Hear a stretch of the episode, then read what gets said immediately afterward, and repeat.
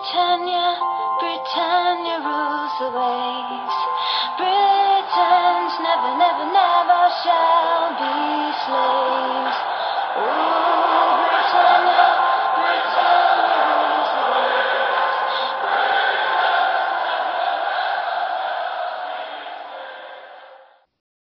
Då var det dags för avsnitt 243 utav Svenska FBL-podden. Vi står inför Game Week 10, en vecka då jag tror att det kommer dras ganska många wildcards och eh, om ni hör lite extra studs i rösten så är det för att jag är på ett aktivt wildcard, lite hipp som happ. Eh, jag hade länge tänkt hålla på det och det ska vi såklart prata om i dagens avsnitt.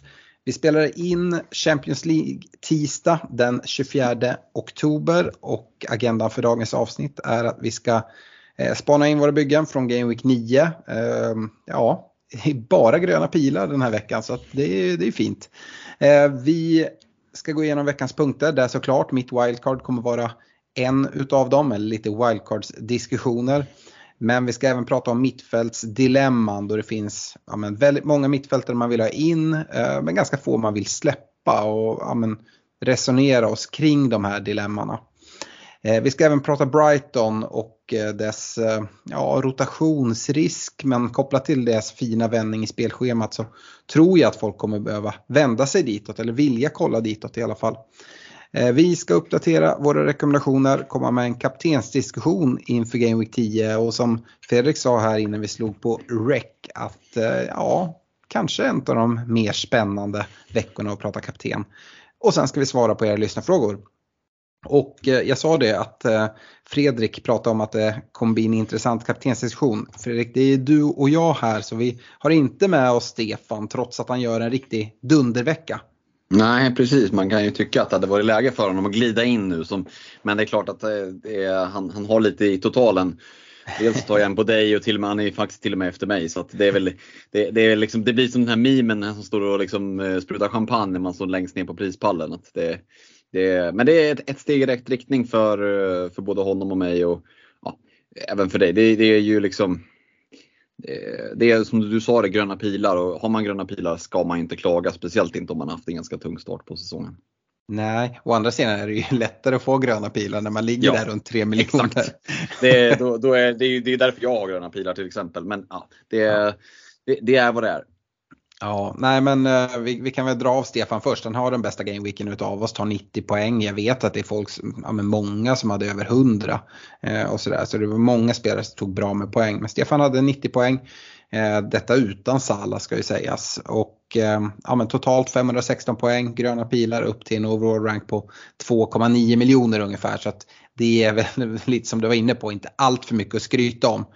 Ehm, ja, går man ner till dig hittar man dig eh, 13 poäng före Stefan i totalen men 13 poäng efter på, på Game Mm. Week 9. Eh, 77 poäng blev det, totalt 529 poäng och med det gröna pilar upp till 2,1 miljon. Ehm, och ja, det var ju ett wildcard som drog i Game Weeks 9 och då, det brukar kunna innebära röda pilar så att du får vara glad även om det inte är någon monstervecka. Alltså just 77 poäng om man säger så här, ja men det är ju en bra Game Week men det beror ju på i relation till övrigt. Jag tror att jag hade nog fått röda pilar med 77. Tror jag. Mm. Jo men så är det ju och eh, jag hade nog tagit mer poäng med mitt, wildcard, med mitt eh, icke wildcard-lag tror jag. Mm. Eh, Men det fanns ju en, en ganska stor och betydande pengafråga i det. Eh, Hankade mig upp ett lagvärde över eh, 100 miljoner. Eh, Bara en sån sak.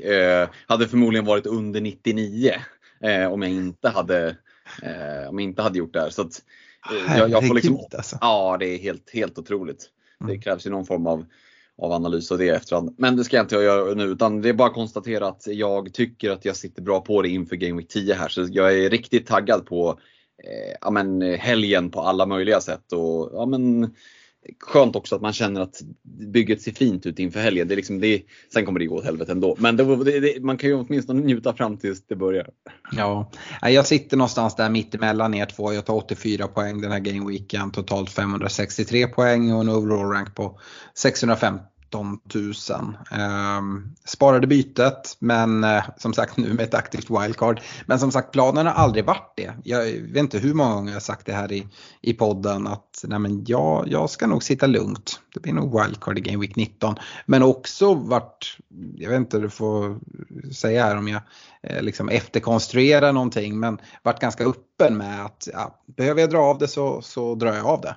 Mm. Ja, men det tycker jag har varit väldigt tydligt att som du säger, är det Game Week 10, Game Week 14 eller Game Week 19, ja men det, det, det var väl en del av strategin att hålla det öppet. Och, och Ja, alltså, säger man att man håller öppet då måste man också vara beredd att trycka av det. Men det ska bli väldigt spännande att höra vad, eh, vad det var som gjorde att du tryckte av det. Men vi kanske ska spara lite på ditt Game Week, eh, eller ditt eh, wildcard-snack när vi kommer in till veckans punkter. Ja, vi kommer ju dit ganska snart. Men innan dess när vi går igenom våra byggen så kan vi säga det. Stefan, som sagt, ehm, tog 90 poäng utan Salla. Han har däremot redan tryckt av ett trippelbyte och tagit minus 4 för att få in just Mohamed Salah.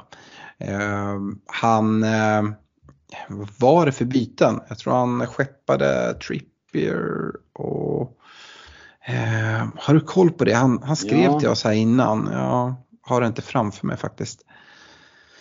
Vi ska se vad det var. Eh, Paul, eh, Palmer kom in i alla fall från Chelsea. Ja precis och Ward Prowse. Ward Prowse. Och så gjorde han sig av med Rashford, Bruno och Mbuemo då. Ja. Eh, och fin avvinkning av, av Mbuemo där. Um, och fick ju i alla fall poäng från, från Bruno utav de två United-gubbarna. Mm. Um, så, uh, och ja, men det är väl det vi, vi kommer prata om Ahmed Salah mer i det här avsnittet. Och, ja, det är nog därför jag tror att väldigt många wildcards drar här i tian för att hoppa på, på Salah. Uh, jag hade honom redan, uh, väljer att dra ändå. Stefan har dragit sitt långt tidigare och har inte suttit med Salah. tar honom nu. Och du plockade väl in en nian va? Eh, ja precis. precis. Mm. Ja, hur eh, summerar du starten på, på ditt wildcard då? Som vi sa, det var i alla fall gröna pilar och inte röda. Ja, men jag visste ju att Son hade bra match. Jag visste eh, att Mbuemo hade bra match. Det var ju mm. synd att de skulle komma iväg med så mycket poäng. Men det, det, var ju inte oväntat på något sätt. Men jag fick träff på Gordon. Eh, mm. fick träff på Watkins. Eh, jag fick en liten träff på Simikas och att eh, vi fick också besked efter att vi hade spelat in att eh, Robertson blir borta ett tag. Mm. Eh, så det, den chansningen känns ju än bättre. Liksom. Sen att Simikas fick gå ut i, i 62, ja det, det säkrade bara nollan som jag ser det. Att, ja, nej men, och, och, jag tycker inte det är något orosmoln kring, kring det bytet. Nej, verkligen inte. Eh, Everton är en man mindre och domaren tycker ju att ni ska ju vara en man mer eh, för Konaté ska, ska få stanna kvar på plan. Det är.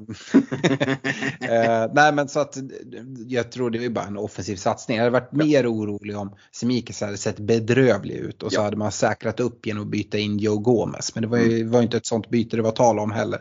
Nej.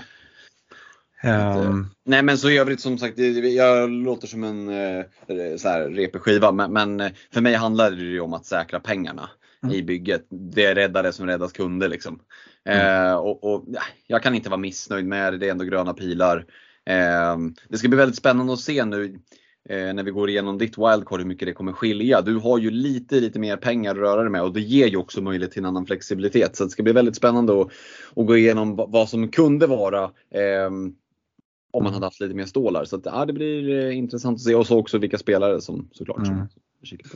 Ja, det går ju att gräma sig över att jag liksom sitter med två fria och drar ett wildcard. Samtidigt vet jag inte riktigt vad jag skulle gjort min one week punt. Uh, jag har ju ett mittfält med Bruno, Sala, Madison, Mboemo och Diavy.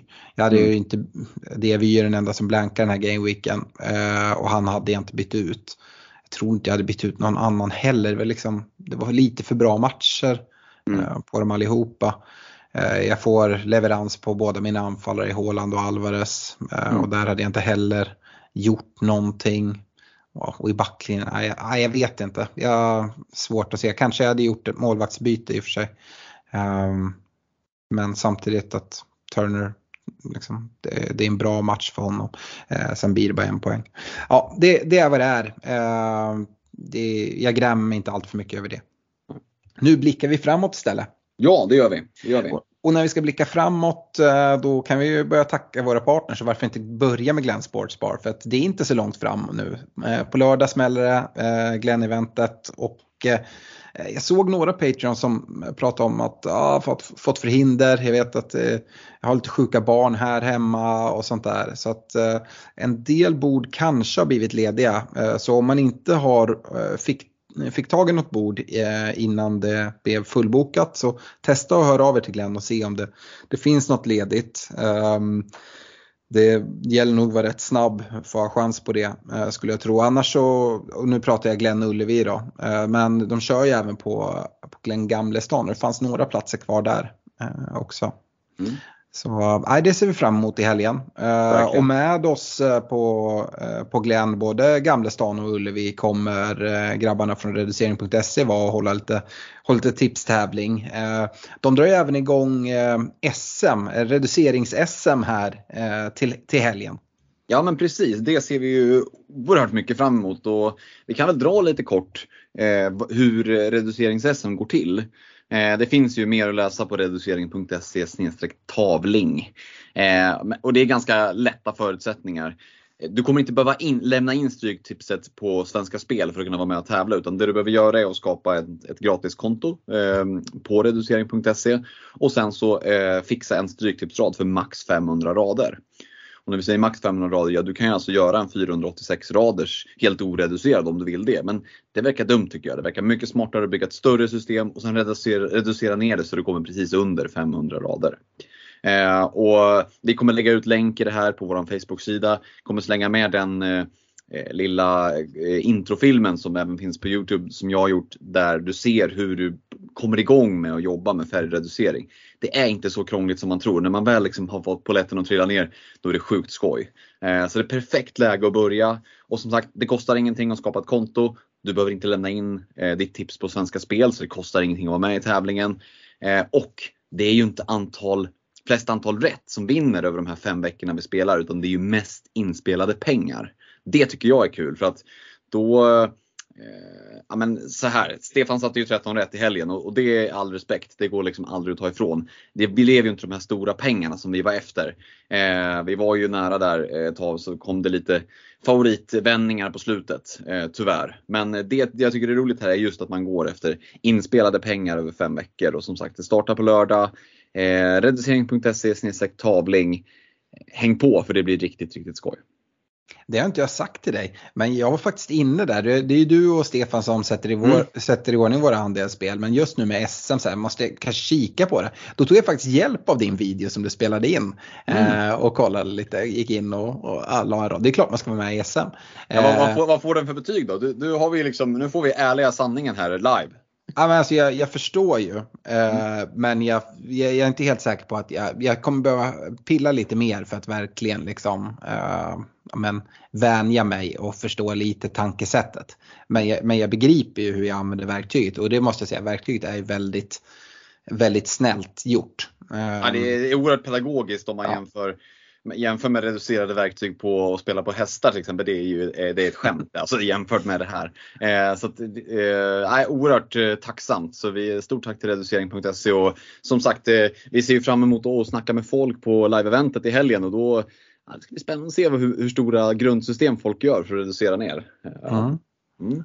Ja, ähm... Ska vi säga det vad man vinner också? Eller? Det är ju äran ja, ja. såklart att vinna reducerings-SM.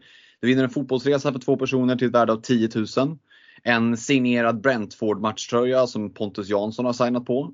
Eh, lite hoodie, t-shirt och sen en specialdesignad 13 rätt tröja om man då lyckas pricka 13 rätt under tävlingsperioden. Så jättefina priser. Eh, det kryddar ju lite extra men eh, äran att vinna reducerings den eh, är den som lockar allra mest. Ja, har du eh, eyes on the price? Ja, men eh, jag tänker att i och med att det är det här att man räknar pengarna så, så kan det ju räcka med en bra vecka.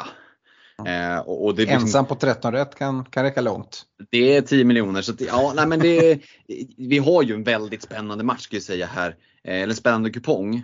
Ta det bara som att vi har Arsenal och Sheffield United. Eh, hur ofta står ett Premier League-lag i 17,50 gånger pengarna? eh, som de gör på Svenska Spel. Eh, så att eh, två, tvåan på Sheffield United i helgen, den kommer att rensa. Det kommer inte bli en två. Men rent hypotetiskt, skulle det bli det, det kommer inte vara många procent på den. Ehm, så att, eh, mm, det ska bli eh, ja, det är ju min tur att göra systemen också inför. Ska hitta på något riktigt, eh, något riktigt skojsigt här inför helgen när det blir lite extra. Mm, jag ska klura på det där så återkommer vi framåt torsdag, fredag där med vilka system vi kan erbjuda och jag gissar att det kommer att finnas ett sug på plats på, på Glenn Ullevi också. Ja, Ja, men det är härligt. Eh, vi, vi ska även tacka såklart våra övriga sponsorer i Superclub, Unisport Store, Netshirt.se som säljer vår merch och eh, Nakata.se som också kommer vara på plats på, på Glenn Sportsbar eh, och sälja lite grejer. Jag vet inte om de kommer ha med eh, nya tryck och sådär men eh, jag vet att Olof eh, jobbade på någon, någon Berba-tröja där. Eh, så ja, vi får se. Spännande. Kanske blir man måste spendera lite pengar själv. Ja, det gör man ju så gärna på, på schyssta t-shirts, helt mm. klart. Eh, grymt! Eh, vi ska gå in i veckans punkter och eh, för att hålla alla lite på halster så tar vi mitt WC sist utav veckans punkter. Eh, jag tycker vi börjar prata lite mittfältsdilemma. Eh, mm. Jag vet inte, nu har ju du precis dragit ett wildcard satt i ordning ett mittfält som du förmodligen är rätt nöjd med men du vet hur många alternativ det fanns. Du sitter väl med eh, Sala, Madison, Saka, Gordon, Diavy va? Mm. Mm. Men det, vissa av de där var säkert eh, mer eller mindre givna som, som Salah och Saka och sådär. Men sen finns det en del som man eh, ja, har lite lurigt med. Så antingen om man ska dra ett wildcard nu så kommer man sitta och kämpa med det där mittfältet. Eh, om man inte drar ett wildcard eh, så är det nog många som kollar på mittfältsbyten här till Game Week 10 och kanske framförallt att plocka in en Saka som du redan sitter med eller eh, kanske någon annan Arsenal-mittfältare i Martinelli eller Ödegård eller sådär. Frågan är ju bara, vem offrar man? Ja. Ehm, och ja, men Stefan hörde vi, ja, man skickade liksom tre mittfältare. Ehm, båda United-gubbarna i Bruno Rashford och eh, Mboemo. Och Mboemos spelschema är tufft, jag förstår att man kliver därifrån nu eh, trots att han visar vad han kan göra. Eh, Rashford förstår jag att man har tappat eh, liksom, tappat tålamod med, ska dessutom möta City nu i, i tian. Men det är också väldigt kortsiktigt för därefter kommer ju jättefina matcher för United. Men hur länge har vi inte hållit på och sagt det? Ja. Och liksom, vi har precis, vi har precis mött Sheffield United. Eh, och som jag sa, det, det är dumt att dra dra wildcard i nian för att ja, men, då wildcardar man bort sina United-spelare och det är liksom borta mot Sheffield. Eh, men alltså helt ärligt, Eh, jag, hade lite, jag är ganska glad över att jag hade eh, delat intresse när matchen spelades. Jag kollade UFC-galan samtidigt. Eh, så missade typ första halvlek. Men jag har förstått att jag inte missar jättemycket. Nej, det, det, som United-supporter kan jag tänka mig att det var, det var liksom en det var liksom en pyrrhusseger på något vis. För att man, liksom, man vann och så i efterhand så kommer det bara synas som ett resultat att man vann. Jo, fast det, det var ju fan ingen vacker seger alltså. Nej, och alltså som sagt, det är, man brukar prata så här, om en vinna när man inte spelar bra. Det är liksom eh, riktigt, eh, alltså det är ju mästartakter. Eh, men det här är inte mästartakter. Eh, jätte, jättebra, vi får tre poäng eh, när vi är så här usla. Men det är ju också vecka efter vecka som det är så här. Vi eh, har gjort oerhört lite mål i ligan och eh, ja, vi ska inte stanna upp och prata United så mycket. Men har man United-spelare så är ju det en ganska enkel väg därifrån. Även om jag såklart eh, ändå tycker att det finns anledningar att överväga att sitta kvar med en, med en eh, Bruno Fernandes. Tar ju poäng i den här matchen också och om man inte är United-supporter så kan man ju bara njuta av att plocka lite United-poäng samtidigt som United tappar liksom, riktiga poäng. Och det, jag tror att poängen kommer fortsätta ticka in för Bruno Fernandes. Kanske inte här i, mot City i Game Week 10 men sen med, när spelschemat ändå, ändå vänder så tror jag att, eh, eller vänder, när, liksom, efter, när, när Game Week 10 är avklarad. Um, men annars är det ju många som har gått all in på, på Spurs och kanske haft planen att nu växla över någon av Spurs-gubbarna eh, till, ja men de flesta tänker nog på Saka ändå. Uh, ja, sen såg vi, såg vi Spurs här igår uh, där både Madison och Song kommer iväg med return så det är lurigt att, att skeppa iväg någon där. Hur, hur hade du resonerat? Eh, Ja, men som jag, om jag inte hade dragit wildcard då hade jag endast suttit med Madison. Mm. Eh, hade jag kunnat gjort Madison till till Saka, gå helt utan Spurs. Känns tufft. Eh, kan man bara strunta i Saka, gå helt utan Arsenal-offensiv med det här fina spelschemat? Eh, ja, jag vet inte. Hur, hur tänker du? Hur, hur värderar du de här olika mittfältarna? Ja men så här, jag tycker att det känns klokt att sitta på täckning från Spurs. Eh, jag gillar ju James Madison därför jag har honom i mitt wildcard. Men eh, att sitta dubbelt där nu när det börjar bli lite, visst det är bortamatcher som är okej okay och sådär men schemat ser väl inte lika fint ut som det har gjort tidigare. Samtidigt som Arsenal kliver in i det här riktigt fina schemat. Jag, jag, jag, jag kan liksom inte klaga på någon som gör, gör sån till Saka. Det, det, det är liksom eller sånt till Ödegård om man har mer känsla. Sånt till Martinelli i ett dubbelbyte för att lösgöra pengar. Jag kan ändå ha full förståelse för att man blickar mer mot ett Arsenal. Jag tycker dels tycker att Arsenal är ett bättre lag. Har de också ett bättre spelschema, ja då, då väger det över för min del. Eh, och du var inne på det, många har suttit liksom tungt lastade på Spurs nu. Eh, och är man lite snabb och kliver in på just Arsenal så, ja, men så finns det ju möjlighet att och kliva på spelare som inte har den här superhöga TSBn som inte alla sitter på. Eh, och om jag fick välja nu inför Game Week 9 och sitta på Arsenal eller inför Game Week 10 och sitta på Arsenal dubbel på mittfältet eller Spurs dubbel på mittfältet så hade jag nog hellre suttit på Arsenal dubbel. Mm. Ja, alltså jag tycker det här är svinlurigt när jag kommer höra när vi kommer till mitt wildcard att jag ja, men verkligen håller på och velar eh, kring det här. Um, och alltså jag, jag, jag, håller, jag håller Son högre än Madison eh, ändå, gör jag. Eh, så i mitt wildcard så är det antingen helt utan, utan Spurs eh, eller eh, så är det Son jag ska ha. Jag tycker han har ju stigit en hel del i värde och jag har inte ägt honom på he, hela tiden. Ehm, så jag har liksom inte kunnat hakat på någonting där. Men ehm, just att han spelar nia i det här Eh, liksom, eh, Tottenham som, som spelar riktigt, riktigt offensivt. Jag tror det här tuffare spelschemat eh, det är väl delvis tuffare. Det är ingenting som skrämmer mig så jag liksom håller på att trilla av stolen på något, något sätt. Vad är det Pallas borta nu i tian? Mm. Chelsea, Wolves, Villa, City, City West. West. Ham, Newcastle, Forest, Everton. Ja men då har vi tagit fram liksom till jul. Uh, ja, Alltså, det, det, är blandat sådär. Ja, jag tycker det är lite så varannan match och så. Ja.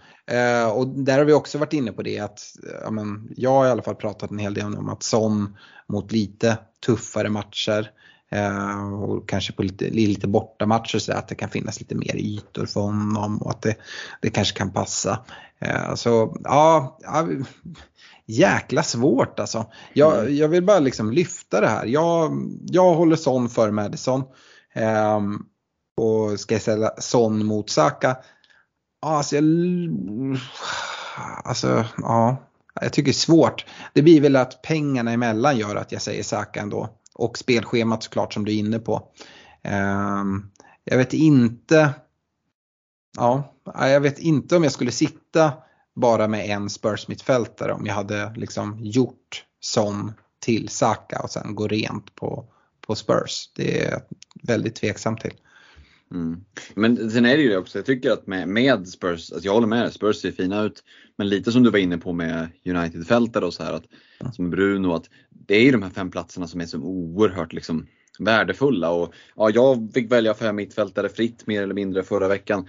Jag var ju tvungen att välja bort en del också och det är ju inte bara de här. Vi pratar ju, jag har ju fokuserat ganska mycket på ja, men, mid-price premium segmentet men det finns ju low, alltså vi börjar mm.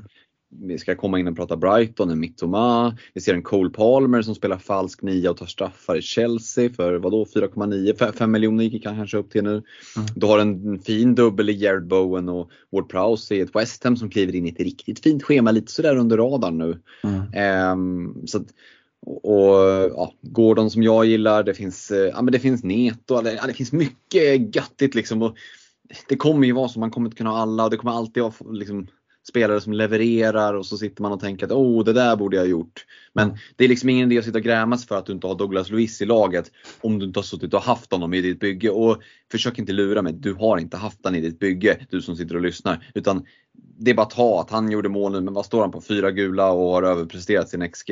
Ja, låt det vara, gå vidare, det finns många andra att kika på. Mm. För, för min del också kopplat till Spurs så väger det in oerhört mycket att de inte har något Europa. Det är inte, mm. alltså, det är inte att de har Europa League och kan rotera lite där utan de har inget Europa. Mm. Ingenting som kommer att störa. Kuppen, ja men där rök de. Eh, alltså det är liksom fullt fokus Premier League och det verkar passa oerhört bra. Um, dessutom med, med sån som uh, ja, men, tidigare sett lite så här eh, trött ut och haltat lite. Äh, det verkar ha skakat av sig. Uh, sett till liksom matchen igår. Ja, jag har svårt att se mig gå helt utan Spurs men ja, som sagt ett av mina wildcard-alternativ är faktiskt helt utan. Mm, och det är svårt också att få in Sala, Saka, Son, Haaland i ett bygge. Då, då är det mm. inte mycket stålar kvar alltså. Nej, Nej, jag har gjort ett försök. Mm. Eh, eh, går vi vidare, det blir nästan att gå över då. Eh, du pratade om Mittoma. Mm. Brighton, deras spelschema vänder rätt ordentligt här. För I början av säsongen satt många med Brighton-spelare, Mittoma var en av dem. Estupinian satt i många byggen, vi hade Joao Pedro, vissa gick mot en Evan Ferguson. Det här är spelare jag tror vi kommer börja kolla mer mot igen. Eh, samtidigt så finns eh, rädsla för rotation med De Serbi som man inte alls kan lita på. Eh, är ju lite nya City med, med pepproletten. Samtidigt, det går att jämföra med City ganska bra för att offensiven är ju liksom ja, men, någon form av City-offensiv. Mm. och du kan få spelarna, de här ja, men, offensiva gubbarna som har lika chans till poäng som City-spelarna till ett betydligt lägre pris. Så är man bara dum och inte kliver på här eller? Ja, ja jag kollar på det. Mittoma som man har hållit på liksom, så, ja med speltid så här. Men han har startat 8 av 9 matcher. Eh, mm. Eh, av de 8 som han spelat 97 av dem. Han har fått 80 minuter eh, i den åttonde. Och sen har han ett 45 minuters inhopp där han kommer in i halvtid och där gjorde han ju, oh. gjorde han ju kaos eh, och tog massa poäng. Ja. Men Hiring for your small business? If you're not looking for professionals on LinkedIn, you're looking in the wrong place. That's like looking for your car keys in a fish tank. LinkedIn helps you hire professionals you can't find anywhere else, even those who aren't actively searching for a new job but might be open to the perfect role. In a given month, over 70% of LinkedIn users don't even visit other leading job sites. So start looking in the right place. With LinkedIn, you can hire professionals like a professional. Post your free job on linkedin.com slash people today. Jag menar, överdriver vi rotationen? Nu var han inte iväg på, på landslagsuppehållet. Förvisso för att han var slutkörd, men Eh, jag tror att liksom få två veckors uppehåll så där, det återhämtar man sig ganska mycket på. Eh, Brighton är också ute ur kuppen. Det är ju mm. kuppspel här snart och, eh, och då liksom har de ingen veckomatch där även om de har Europa. är det så att vi överdriver rotationsrisken på spelare som, som Mittoma? Dessutom ska vi säga det att Mars klev av här knäskadad och blir, blir borta ett tag så försvinner, försvinner någon ur ekvationen. Mm, och en Ciso skadad sen tidigare. Nej men eh, så här, vi är medvetna om den så att eh, den finns ju där. Sen är det ju lite olika från lag till lag eh, och du är inne på att eh, Brighton är ju ett sånt ting där, där risken är större än i andra lag men rewarden, alltså mm. high risk high reward för 6,5 miljoner kliva in på, på Mittoma och, och, ha den, liksom, det spelschemat de har nu. Nej, men, ja, det, jag kan mycket väl se honom sitta liksom i Eh, i ett wildcard. Jag kan mycket väl se att man byter in honom nu. Fulham hemma, Everton borta, Sheffield United hemma, Forest borta kommande fyra. Ja, det gillas ju. Eh, det är bara att göra plats för dem någonstans. Eh, mm. jag, jag, jag, räknar inte med att byte till, till, till helgen nu. Utan, men även om jag hade haft låt säga, två fria med det här bygget så vet jag inte riktigt vem jag skulle ta ut till helgen. Um, så att, Ja, det, det, är, det är lite klurigt eh, men jag har full förståelse för den som bara mosar in honom i bygget. Mm. Och det är väl det som är emot att ja, men om vi nu eh, liksom har så tajt om de här mittfältsplatserna och det finns så oerhört mycket bra, bra alternativ. Ska man då ge sig in i den här rotationen? Mm. Eh, om det är rotation eller inte, ja jag vet inte. Eh, som sagt, det, vi, kollar vi på statistiken så finns det ju ganska tydliga argument för att Mitoma hyfsat immun mot rotationen. Mm. Uh, och samtidigt då så har han varit uh, fatig, alltså han har varit mm. slutkörd i ett landslagsuppehåll. Man kan ju tänka sig att liksom en riktigt fläskig 90 minutare Ja, alltså Mm. man får inte bli förvånad om De Serbi plockar av honom i 70 eh, till helgen. Liksom, bara för Mm. att ja, men kom in i det, matchas in i det lite, lite långsamt här nu. Så att, men det kan ju räcka med 70 minuter i, för att och liksom skapa tillräckligt kaos mot Fulham hemma. Det har vi sett Mm. förut. Om man istället letar en möjliggörare så nämnde ju du hans namn förra veckan i Adingra. Ja, Dingra, Eh, 5,0. fina Dingra alltså. Och just med Mars borta gör det ju ännu mer ja, aktuellt visst. skulle jag vilja säga. Eh, För det är ju direkt på, på konkurrerande plats. Ja. Eh, och jag vet inte, det lät på De Serbi som att det kunde vara rätt allvarligt med Mars och att han kunde vara borta ett tag. Mm. Eh, så, Och att Dingra kostar 5 miljoner, 5,0 Så där Mm. har man ju då en riktig möjliggörare. Ja. Eh, till exempel då om man som du kikade på att Son Sakasala Mm. som en trippel till att börja med, ja, men då, då behöver man ju någon möjliggörare, minst en i alla fall. mm. Eh, Så jag tycker att, eh, att Ingra ser ju väldigt spännande ut. Alltså. Och också en spelare där man känner att första kvisten, ja, den är inte omöjlig heller. Eh, och, och kunna ha på liksom. Det kan vara en ganska fin spelare. Det är inte så mycket pengar som sitter där. Kommer det ett out, en autosub för att det är någon som roteras, ja, vi har inga problem med att få in honom. Liksom. Eller spela honom för den delen. Nej.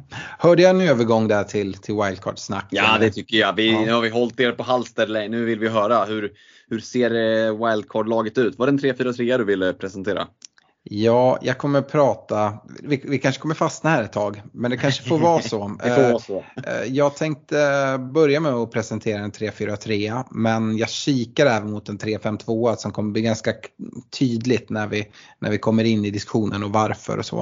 Eh, Men börja egentligen med en av våra lyssnare, Fernando Torres Lover skriver in vad finns för fördelar och nackdelar med att ta wildcard nu eh, alternativt om man sparar det, när blir det lämpligt att använda det? Och det blir väl rätt aktuellt att tala om eftersom jag har sagt att jag jag förmodligen ska, ska hålla på det. Eller jag, jag har lutat åt det hela tiden. Och Mm. som sagt, jag hade fått in Salah ändå. Eh, jag skulle säga det, en av fördelarna med att dra wildcardet nu, eh, det är för många tror jag att det är en enkel väg att kliva på Salah. Eh, för att eh, ja, men Stefan lyckas få in han med en minus 4. Det är vissa som behöver ta ännu mer minus. eh, och det, det, det är verkligen, verkligen lagberoende på vad det är för fördelar. Men det är nog en anledning för många. Att de känner att, han, att Salah har straffat dem tillräckligt och att de vill ha möjlighet att kunna sätta binden där här i, i några veckor. Ehm, och kliva ifrån Haaland. Eh, antingen kliva ifrån honom helt som vi har sett har varit ganska populärt i, i vissa ehm, vissa situationer som har fungerat bra. Om vi kollar nu Game Week 8 och 9, även om man gjorde mål här i nian så eh, ja, men, Alvarez matchar hans score och Watkins fortsätter göra mål och eh, sådär.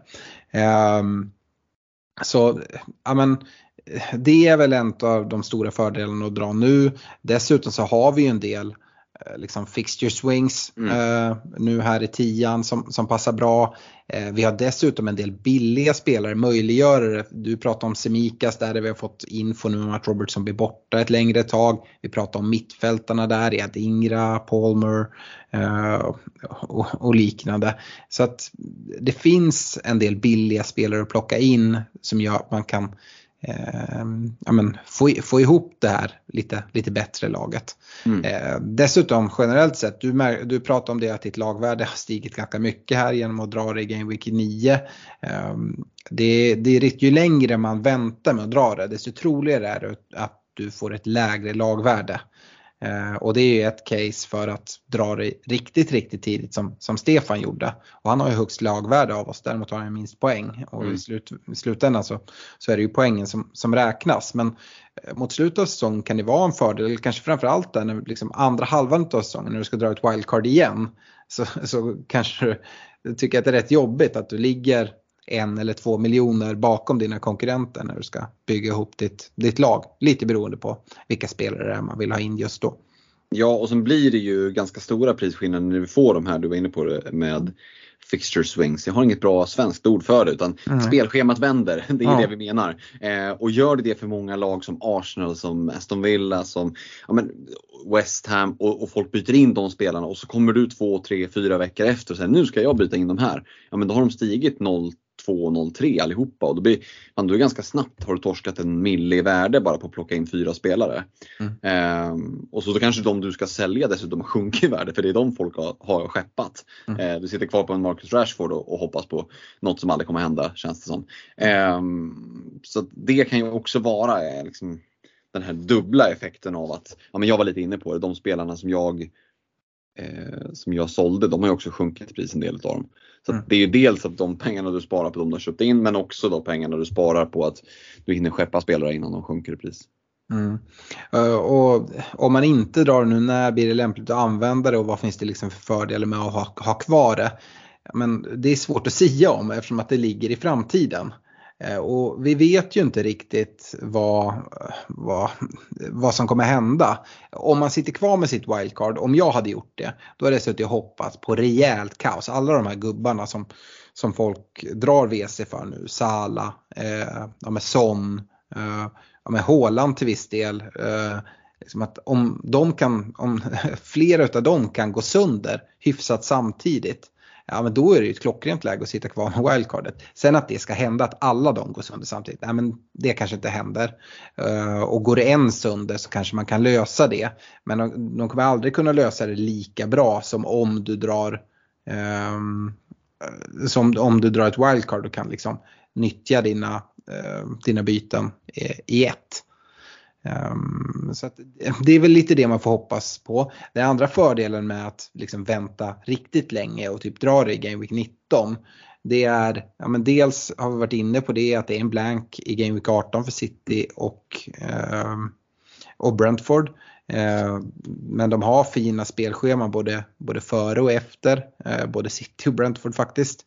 Eh, sen så får man ju ett nytt wildcard och det kommer man förmodligen vilja hålla på ett tag och då kan du liksom bygga ett lag. Drar man det nu i tian eller har dragit det ännu tidigare, då ska man klara sig utan wildcard ganska länge. Och det går och det går att göra byten. Men det kan också vara rätt skönt att fixa i ordning det där i, i, i december. Och dessutom då när afrikanska mästerskapen liksom är på, på ingång att ja, men det kanske finns ett ganska ganska enkelt läge då att eh, om man kan få in en Sala på ett annat sätt att eh, ja, plocka ut han och då är budgeten plötsligt inte riktigt lika tuff.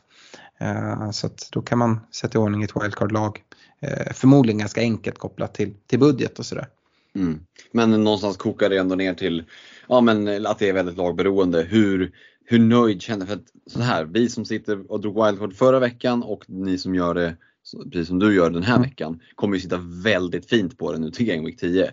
Mm. Och känner man själv att ah, fan, jag sitter halvt snett på det, ja, då, får man, då, då, då är det fan läge att gömma sig bakom soffan till helgen för att risken är att man blir då ifrånsprungen. Eh, både poängmässigt liksom från och med nu sett och också lagvärdesmässigt. Så att, mm.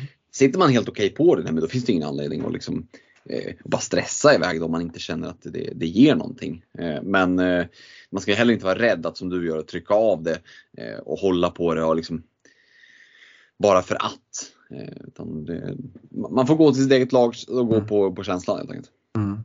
Den naturliga frågan då till mig är varför ändrar jag mig och, och, mm. och trycker av det här eh, när jag mm. ändå har sagt att jag ska eh, ha, ha lite tålamod med det. För jag satt ju som sagt med Salah, jag satt med Håland jag satt med Madison. Eh, jag tycker inte att det är ett eh, problematiskt lag. Förra veckan spelade jag med Turner i mål men jag har Johnston på, på bänken som har fina matcher här framöver.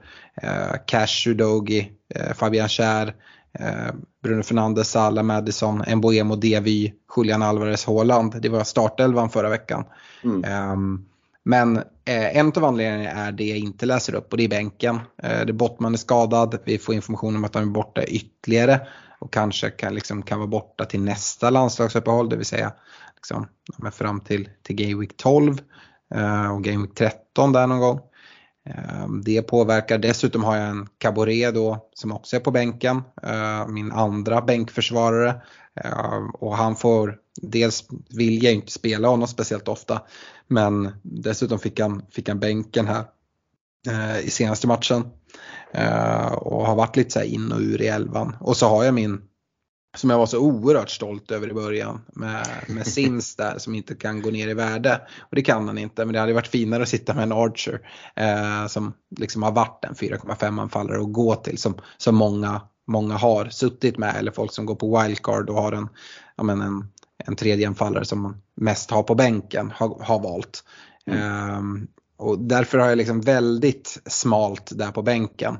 Eh, jag kollade också på, jag hade ju två fria byten så jag hade ändå kunnat göra en hel del.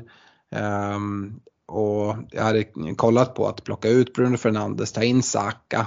Eh, jag uh, hade löst där. Jag hade kunnat gjort en Boemo till, uh, till Bowen eller en Boemo till Mitoma eller vem jag hade velat gå till. Så jag hade liksom sett ganska likt ett liksom wildcard-bygge, själva startelvan ändå skulle jag nog vilja säga. Um, men jag hade, hade ingen riktig väg att komma och få både Saka och Watkins. Och jag är så fasligt trött på den här Watkins. eller att gå utan honom. Ja. Jag vet inte. Han, han fattar Det känns som att det är Almiron från förra säsongen. Han fattar ja, ju inte att så här bra är ju inte Watkins.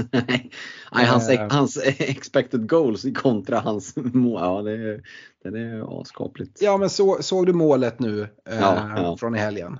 Det där, det där gör man om man är, det där gör man om man är i form. Ja, man tänker Gör dragningen så bara, ja, men första krysset brukar vara ledigt och så bara upp med den.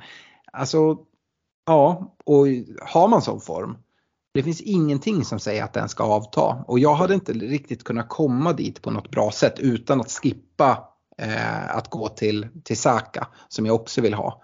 Så att egentligen är det typ Watkins som är en av de stora anledningarna. Eh, och den andra anledningen till varför jag inte har dragit wildcard tidigare eller varit speciellt sugen på det, det är, det tror jag också jag har nämnt, jag, jag hittar inget wildcard-lag som jag liksom känner mig tillfreds med och tycker att ah, men det här är väldigt mycket bättre än det jag har med mitt icke WC-lag. Eh, och där ska jag ge en shoutout till en av våra Patreon, eh, Gusten Annebro, som, som kastar ur sig att ja, men han är också på wildcard här i, i Game Week 10, skickade ut sitt bygge och ville ha lite feedback.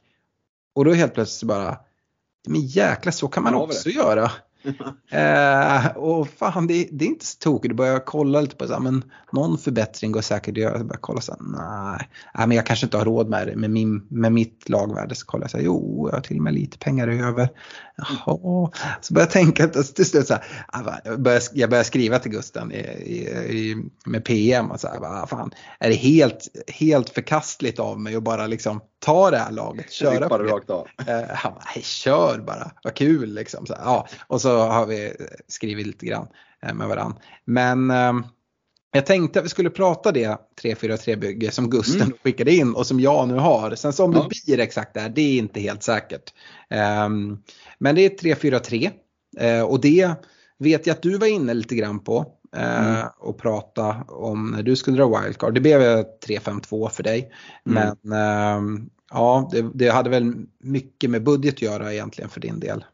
Ja, nästan bara skulle jag säga. Jag var ju helt inställd på att ha eh, Fem, spelare, fem bra mittfältare inom citationstecken och tre bra anfall för att kunna växla runt och hela tiden. Visst, det blir en, kan bli liksom mycket pengar på, på bänken men, men det blir liksom en, en eh, flexibilitet att verkligen kunna liksom, ja, men sitta på FBL-team och, och, matcha fram spelare så att man sitter vecka ut vecka in och ja, kan jobba bra matcher. Och det är alltid någon som då har en lite sämre match, ja, då hamnar den på första mm. kvisten. Eh, men det, det, krävs ju någon form av, av liksom, pengapung som är lite tjockare än min eh, mm. för, för, att leverera det. Så det ska bli väldigt spännande att höra mm. det här 3-4-3 bygget. Mm. Jag har ju varit insnöad hela tiden på 3-5-2 eh, just mm. efter allt värde som finns på mittfältet. Eh, och det kan mycket väl vara så jag landar i en 3-5-2 i alla fall.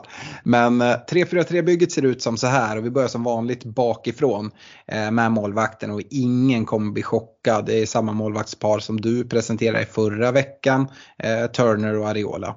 Mm. Eh, och eh, till och med liksom varit öppen och leka med tanken att ha Ariola och en 3,9 målvakt för att spara 0-1 om det skulle behövas eh, på något sätt. Men när det ändå, just med det här bygget så har jag 0-4 över just nu. Då tycker jag ändå att det är värt de där 0,1 för att ha en, en, en spelande andra målvakt som, ja, men som kanske kommer spela någon match av olika anledningar. Mm. Uh, och det här tänker jag inte vi behöver lägga så mycket tid. Jag kan bara det stora argumentet, jag, har, jag sa har 0,4 över och det skulle ju kunna gå att gräva fram lite mer pengar och få kanske någon som roterar bättre med Ariola och, och sådär. Men eh, stora anledningen är att jag tycker att det finns inga liksom, självklara bättre alternativ att, att gå på. Eh, hade det funnits en liksom, 4,5 målvakt som jag tycker liksom, om man litar på, tycker känns väldigt bra, då kanske jag hade kunnat värdera det. Eh, men nej, jag försöker bara spara in pengarna på målvakterna och kommer väl spela Ariola i de allra flesta matcherna och West Ham har ett fint spelschema här framåt.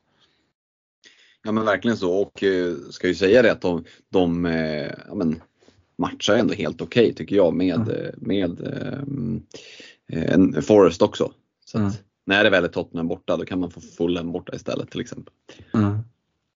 Uh, ja, går vi vidare till försvaret så det är ju rep, repig skiva. Det är samma, samma fembackslinje som du presenterade där förra veckan. Eh, mm. Uh, och för er som inte kommer ihåg det så är det Cash, Gabriel, Semikas. Uh, nej, det är nog inte. Jag har inte så fall hade du va? Mm, precis. jag och Mark Guay i Crystal Palace tillsammans med, med Taylor i, i Burnley mm. som liksom sista försvarare. Eh, och ja, men, börja med de tre som, eh, som startar i, i Game Week 10 och som kommer starta eh, mestadels. Det är ju Matti Cash, eh, det är Gabriel och det är Semikas. Semikas eh, kanske jag lät lite avvokt mot i, i förra veckan. Men det hade också mycket att göra att vi inte riktigt visste om, om Robertson. Uh, och nu när vi vet, ja men då tycker jag att det är lite för bra uh, för gå det. Dessutom fick vi ju det fanns ju en liten, liten risk, även om du ville spela ner den ganska mycket. Eh, men att, att Joe Gomez skulle komma. Och den finns väl fortfarande. Men vi har i alla fall fått en match nu där, där starten kom. Dessutom tyckte jag Semikas gjorde det rätt bra, även om han då blev utbytt. Men det hade ju sina naturliga förklaringar. Mm. Eh, så att jag känner mig ganska bekväm att gå dit nu. Eh, jag vill gärna in med minst en Arsenal-försvarare. Har valt Gabriel i det här fallet. Och ja, känner, mig, känner mig nöjd där. Eh, Matti Cash är väl kanske den som är mest osäker i det här bygget. Jag, jag förstår de som har haft Matti Cash, han, han startade väl på 4,5 tror jag. Mm. Uh, och ja, nu är han uppe på 5,1.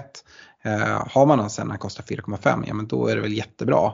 Uh, men jag var ganska sen på bollen där jag vet inte, jag köpte innan 4,9 kanske något sånt. Um, och ja, det, det, finns, och börjar jag leka runt lite och behöva pengar så går det att göra cash till ja men, Konse eller Pau Torres och helt plötsligt spara in 0,5 där.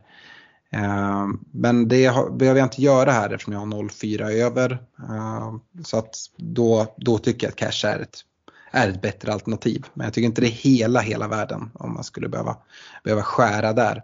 Eh, Taylor, just nu den bästa 3,9 försvararen, kan mycket väl se att han blir en sån här cabaret-spelare eh, tids nog. Jag tror, jag tror inte att Taylor kommer vara eh, första mittback i, i Burnley eh, när vi liksom summerar säsongen. Eller det är ganska stor risk att han har tappat den platsen.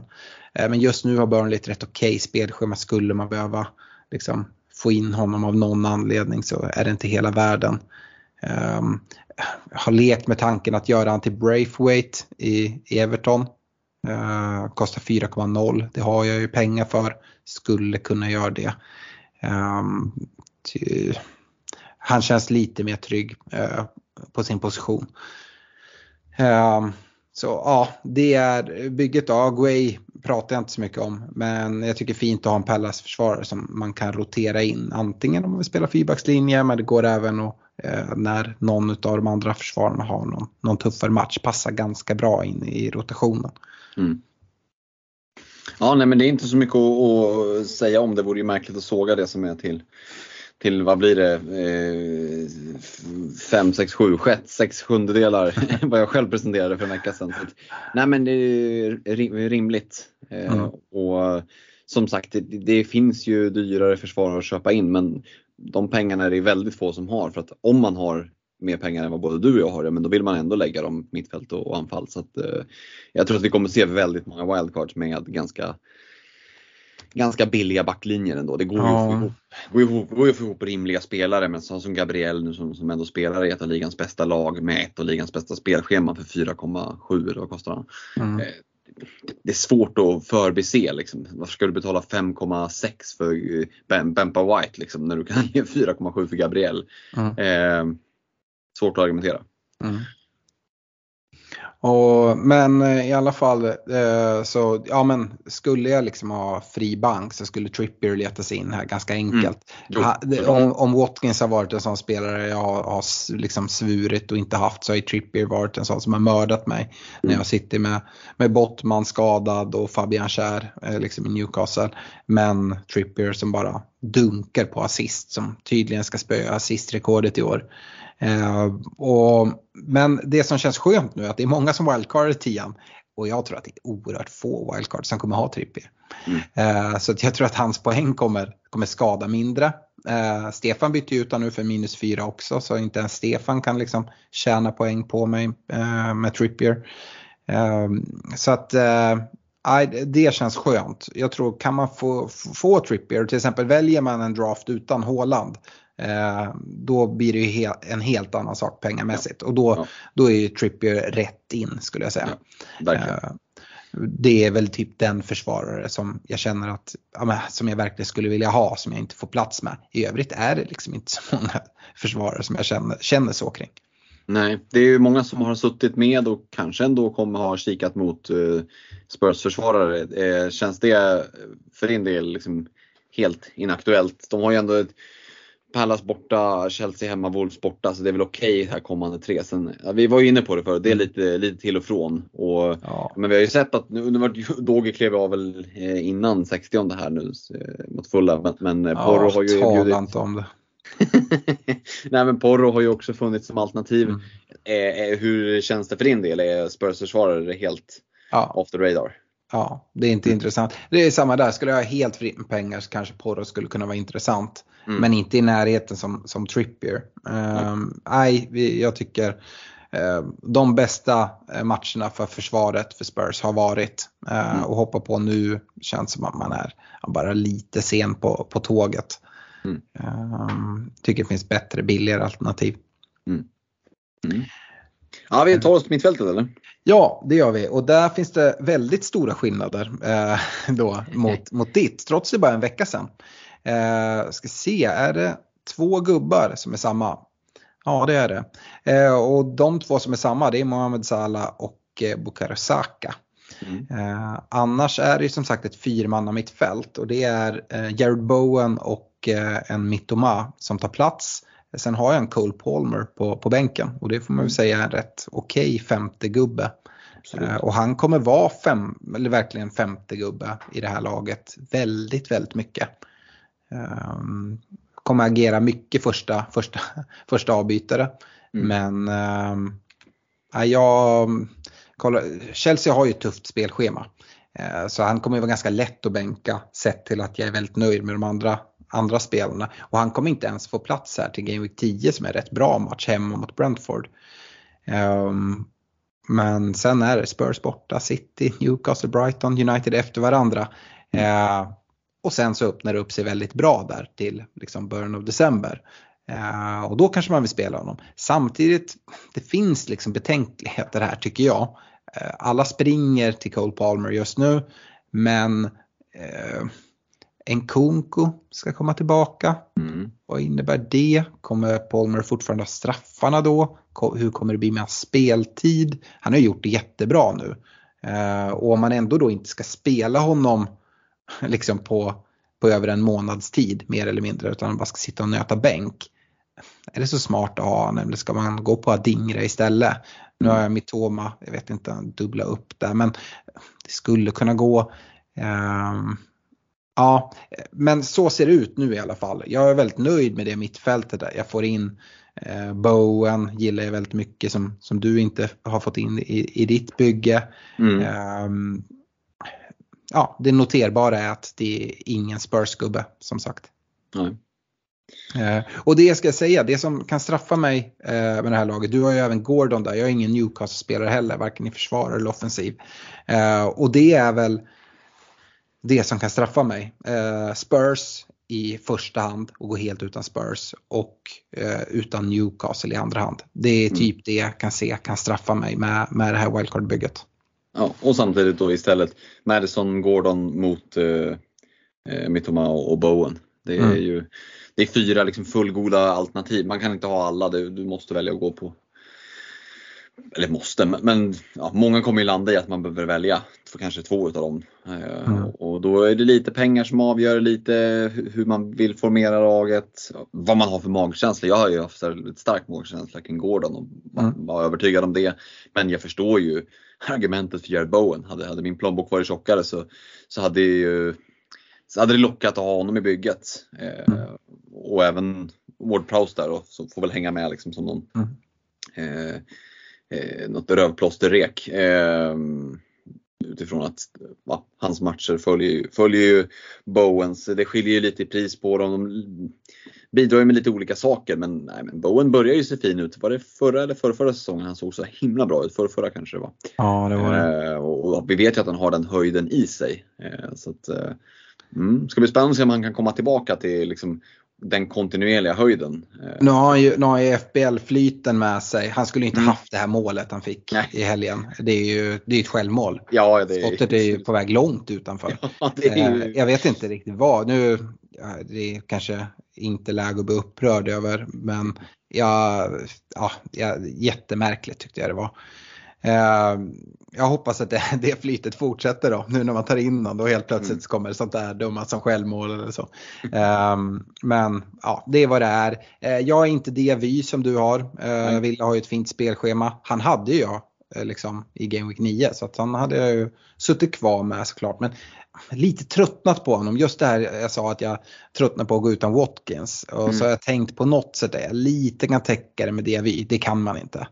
Eh, och är ganska trött på honom. Eh, ser att han plockas ut liksom. Han får aldrig sina 90 minuter. Eh, hans underliggande siffror är rätt så halvrackiga. mm, Ehm, nej, och just att ja, jag vet du har ju tripplat upp i cash DV Watkins. De har ju fina matcher nu men sen ganska så snabbt så vänder det. Mm. Och då kommer man behöva lägga ett byte där tror jag på, på mittfält för då kommer man vilja ha något annat. ja men så är det ju. Och där Game finns det 13. alternativ. Ja, Ja. Game Week 13 blir ju eh, Diaby någonting annat efter Mm. landslagsuppehållet där. Det är Ja. ju Det känns rätt givet redan nu. Men det är ju ändå ta ut en spelare som har Luton hemma, Forest Ja. borta, Fulham hemma. Det, det är klart att det mm. Ja. Jag tycker inte att det är så jobbigt när jag kollar till det andra mittfältet. Där har jag egentligen ingen riktig ångest. Nej. Kan han få någon return där? Ja, det kan han absolut få. Eh, och sen har jag då eh, ett tremananfall. Eller vill du stanna kvar vid mittfältet och mer? Nej, nej men shoot med anfallet. Ja, och det är Haaland, Watkins och Darwin Nunez. Eh, Och jag hade Darwin på min anfallsrek förra veckan. Jag tycker att det är spännande. Jag sa det lite tidigt. Jag eh, anade att han skulle kunna få bänken, vilket han fick. Han kom in, får en return ändå. Eh, Men här, liksom nu när han har kommit tillbaka till England. Alltså jag, du, du Liverpool-gubben här, eh, Mm. så du får väl rätta mig. Men min känsla är att Darwin Nunez kommer, kommer starta mot Forest i 10, han kommer starta mot Luton i 11, han kommer starta mot Brentford i 12. Mm. Ehm, och alltså, det är en spelare jag chansade med honom förra säsongen. Det var oerhört frustrerande. Jag tycker han ser bättre ut nu, samspelet med Salah. Eh, och Eh, det är en spelare som man kan se det på två sätt. Antingen är det en spelare som är rolig att äga eller frustrerande att äga. Men man sitter ju på helspänn, helspänn jämt när man kollar Liverpool när Darwin Nunez är på plan. Um, så ja, jag tycker att det är en lite rolig pant. Ja, och det är nästan så att jag vet inte om man kan kalla det för pant. Jag tycker att det är ett bra val bara. Eh, jag har ju varit tydlig med det hela tiden att det är Darwin Nunez, Mohamed Salah, Luis Diaz. Det är Liverpools tre bästa offensiva spelare. Eh, och, och det skulle jag säga att de allra flesta Liverpool-fans håller med om och jag skulle säga att Klopp också ser det så. att eh, och speciellt också i, i matcher mot lite sämre motstånd när man verkligen är Forest hemma, Luton borta. Eh, när det inte liksom är ett vad ska man säga, disciplinär, liksom disciplinerat pressspel som är huvudfokus utan det är kreativitet och det är, det är att göra mål för att han är ju väldigt direkt. Mm. Och eh, har ju en förmåga att ta sig till lägen Och, och det, det, ligger ju någon 20 poänger och bubblar och bara väntar på att explodera liksom ett, ett hattrick. Um, ja men det har du gjort ett år ja, men, men aldrig varit så nära som nu känns det som ändå. Uh, och är lite humörspelare, fick samspela, du var inne på det, samspela fint med Salah här i helgen också. Mm. Mm, det är, jag köper ju valet fullt ut, tycker att det är eh, väldigt rolig gubbe, speciellt nu när, när Liverpools schema börjar se lite mer intressant ut. Visst det är City borta där som ska klämmas in efter landslagsuppehållet men när man har gjort den matchen då kommer det tre fina direkt efteråt. Mm. Eh, och, och Darwin Nunez är ju ändå inte liksom spel, enda oron det är ju den här med, liksom med rotationen när, när eh, ja, men kanske framförallt Gakpo börjar tillbaka men då har även Jota. Mm. Men ja, eh, vi såg det nu i helgen. Även om han får bänken så kommer han ju ofta in och får kanske inte fem minuters inhopp. Det är inte de jävla peppinhoppen, jävla alibi liksom eh, inhoppen utan han får kanske 25-30 minuter och då kan han hinna göra en hel del på lite omställningar och sådär. Så, så det, det, behöver inte vara fel heller. Eh, så att, nej, Darwin Nunez tycker jag är en, en rolig shout och eh, har vi, vad har vi för TSB på Nunez? Har du det i huvudet? Nej, jag har inte kollat någonting på TSB när jag har valt, valt lagen. Kolla nu, 13 procent. Ja, mm. det är ju fina poängen då som, som kan trilla in och fin uppdubbling på, på Liverpool ändå som börjar se eh, utan att se så här riktigt bra ut så börjar de ändå takta igång är ju känslan. Mm. Um, Upptrippling att, om jag får be med Semikas där på ett hörn. Ser till och med upptrippling såklart. Mm. Mm. Uh, nej, så, uh, nej, men det, det, här är ju ett lag som är all in uh, Liverpool. Mm. Och det är ju lite satsningen, chansningen. Um, och då, jag går utan, utan Spurs och då mm. får man liksom hoppas på att det är det som är, uh, är grejen, att det, det funkar och att jag tjänar ihop de poängen på ja, men, mitt i övrigt bra mittfält. Jag tycker uh, med alla fem de jag sitter med, även om Palmer kommer sitta mest bänk, så tycker jag liksom är bra solida val. Uh, och dessutom då uh, den här, så jag har ju egentligen en, en anfallsåtta även om jag bara får spela uh, sju stycken utav dem. Mm. och det, vissa är helt emot det, man kommer liksom vara vansinnig för man kommer ha massa bänkpoäng, man kommer ha lite huvudvärk inför många game weeks. Jag tror inte jag kommer ha det, jag tror att Polmer kommer vara ganska naturlig eh, bänkspelare för mig i alla fall här eh, fram tills eh, Chelseas spelschema vänder. Um, men kan han göra poäng då i de matcherna? Ja, det kan han absolut göra och då får det väl vara så. Det det, det köper en också, den här bredden, det är att blir det någon skada eller någonting sånt, eh, eller flera skador, så tror jag att jag kommer inte behöva liksom tvingas att ta minuspoäng på något sätt. Um, och jag kanske liksom kan vänta och göra, göra ett byte lite senare um, eller sådär och bara lösa det med den bänk jag har. Uh, det finns det, finns det stort värde till tycker jag. Ja men det ser vi också nu när du drar ditt wildcard, den bänken du eh, wildcardar bort, du var inne på det själv där. Mm. Den, alltså, den är den är rätt skön att bli av med och kunna få in så att det finns gubbar som täcker upp. Mm. Och det handlar ju också väldigt mycket, precis som du är inne på, just att okej okay, jag åkte på en rejäl skada. Att inte behöva direkt agera, bara, jag måste byta in och nu. Man ser att jag skulle då vilja egentligen kliva på den där spelaren men kanske inte förrän nästa vecka. Då kan man bara lite is i magen, eh, övervintra en vecka på, på bänken, den skadade snubben, in med någon på bänken, spela, överleva en vecka och sen kliva på med två fria och göra det bytet man vill. Mm. Risken annars när man sitter och liksom panikar, det är fem flaggor i bygget och det är inget wildcard kvar att dra.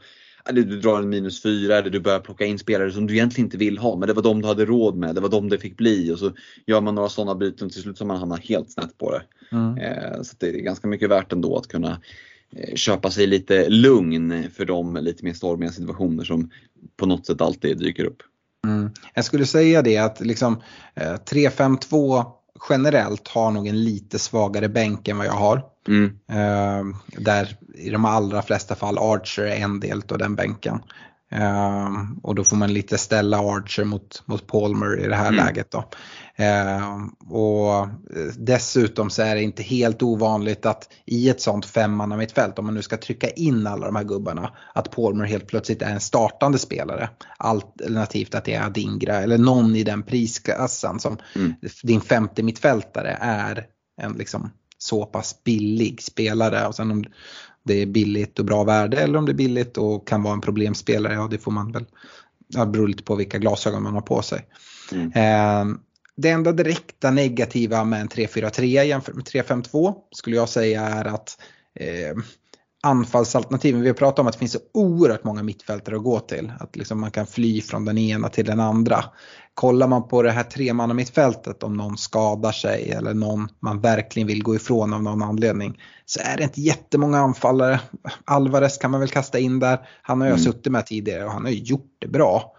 Um, men annars det är bara att kolla när vi gör våra anfallsrekar, det är samma namn som nämns om och om igen.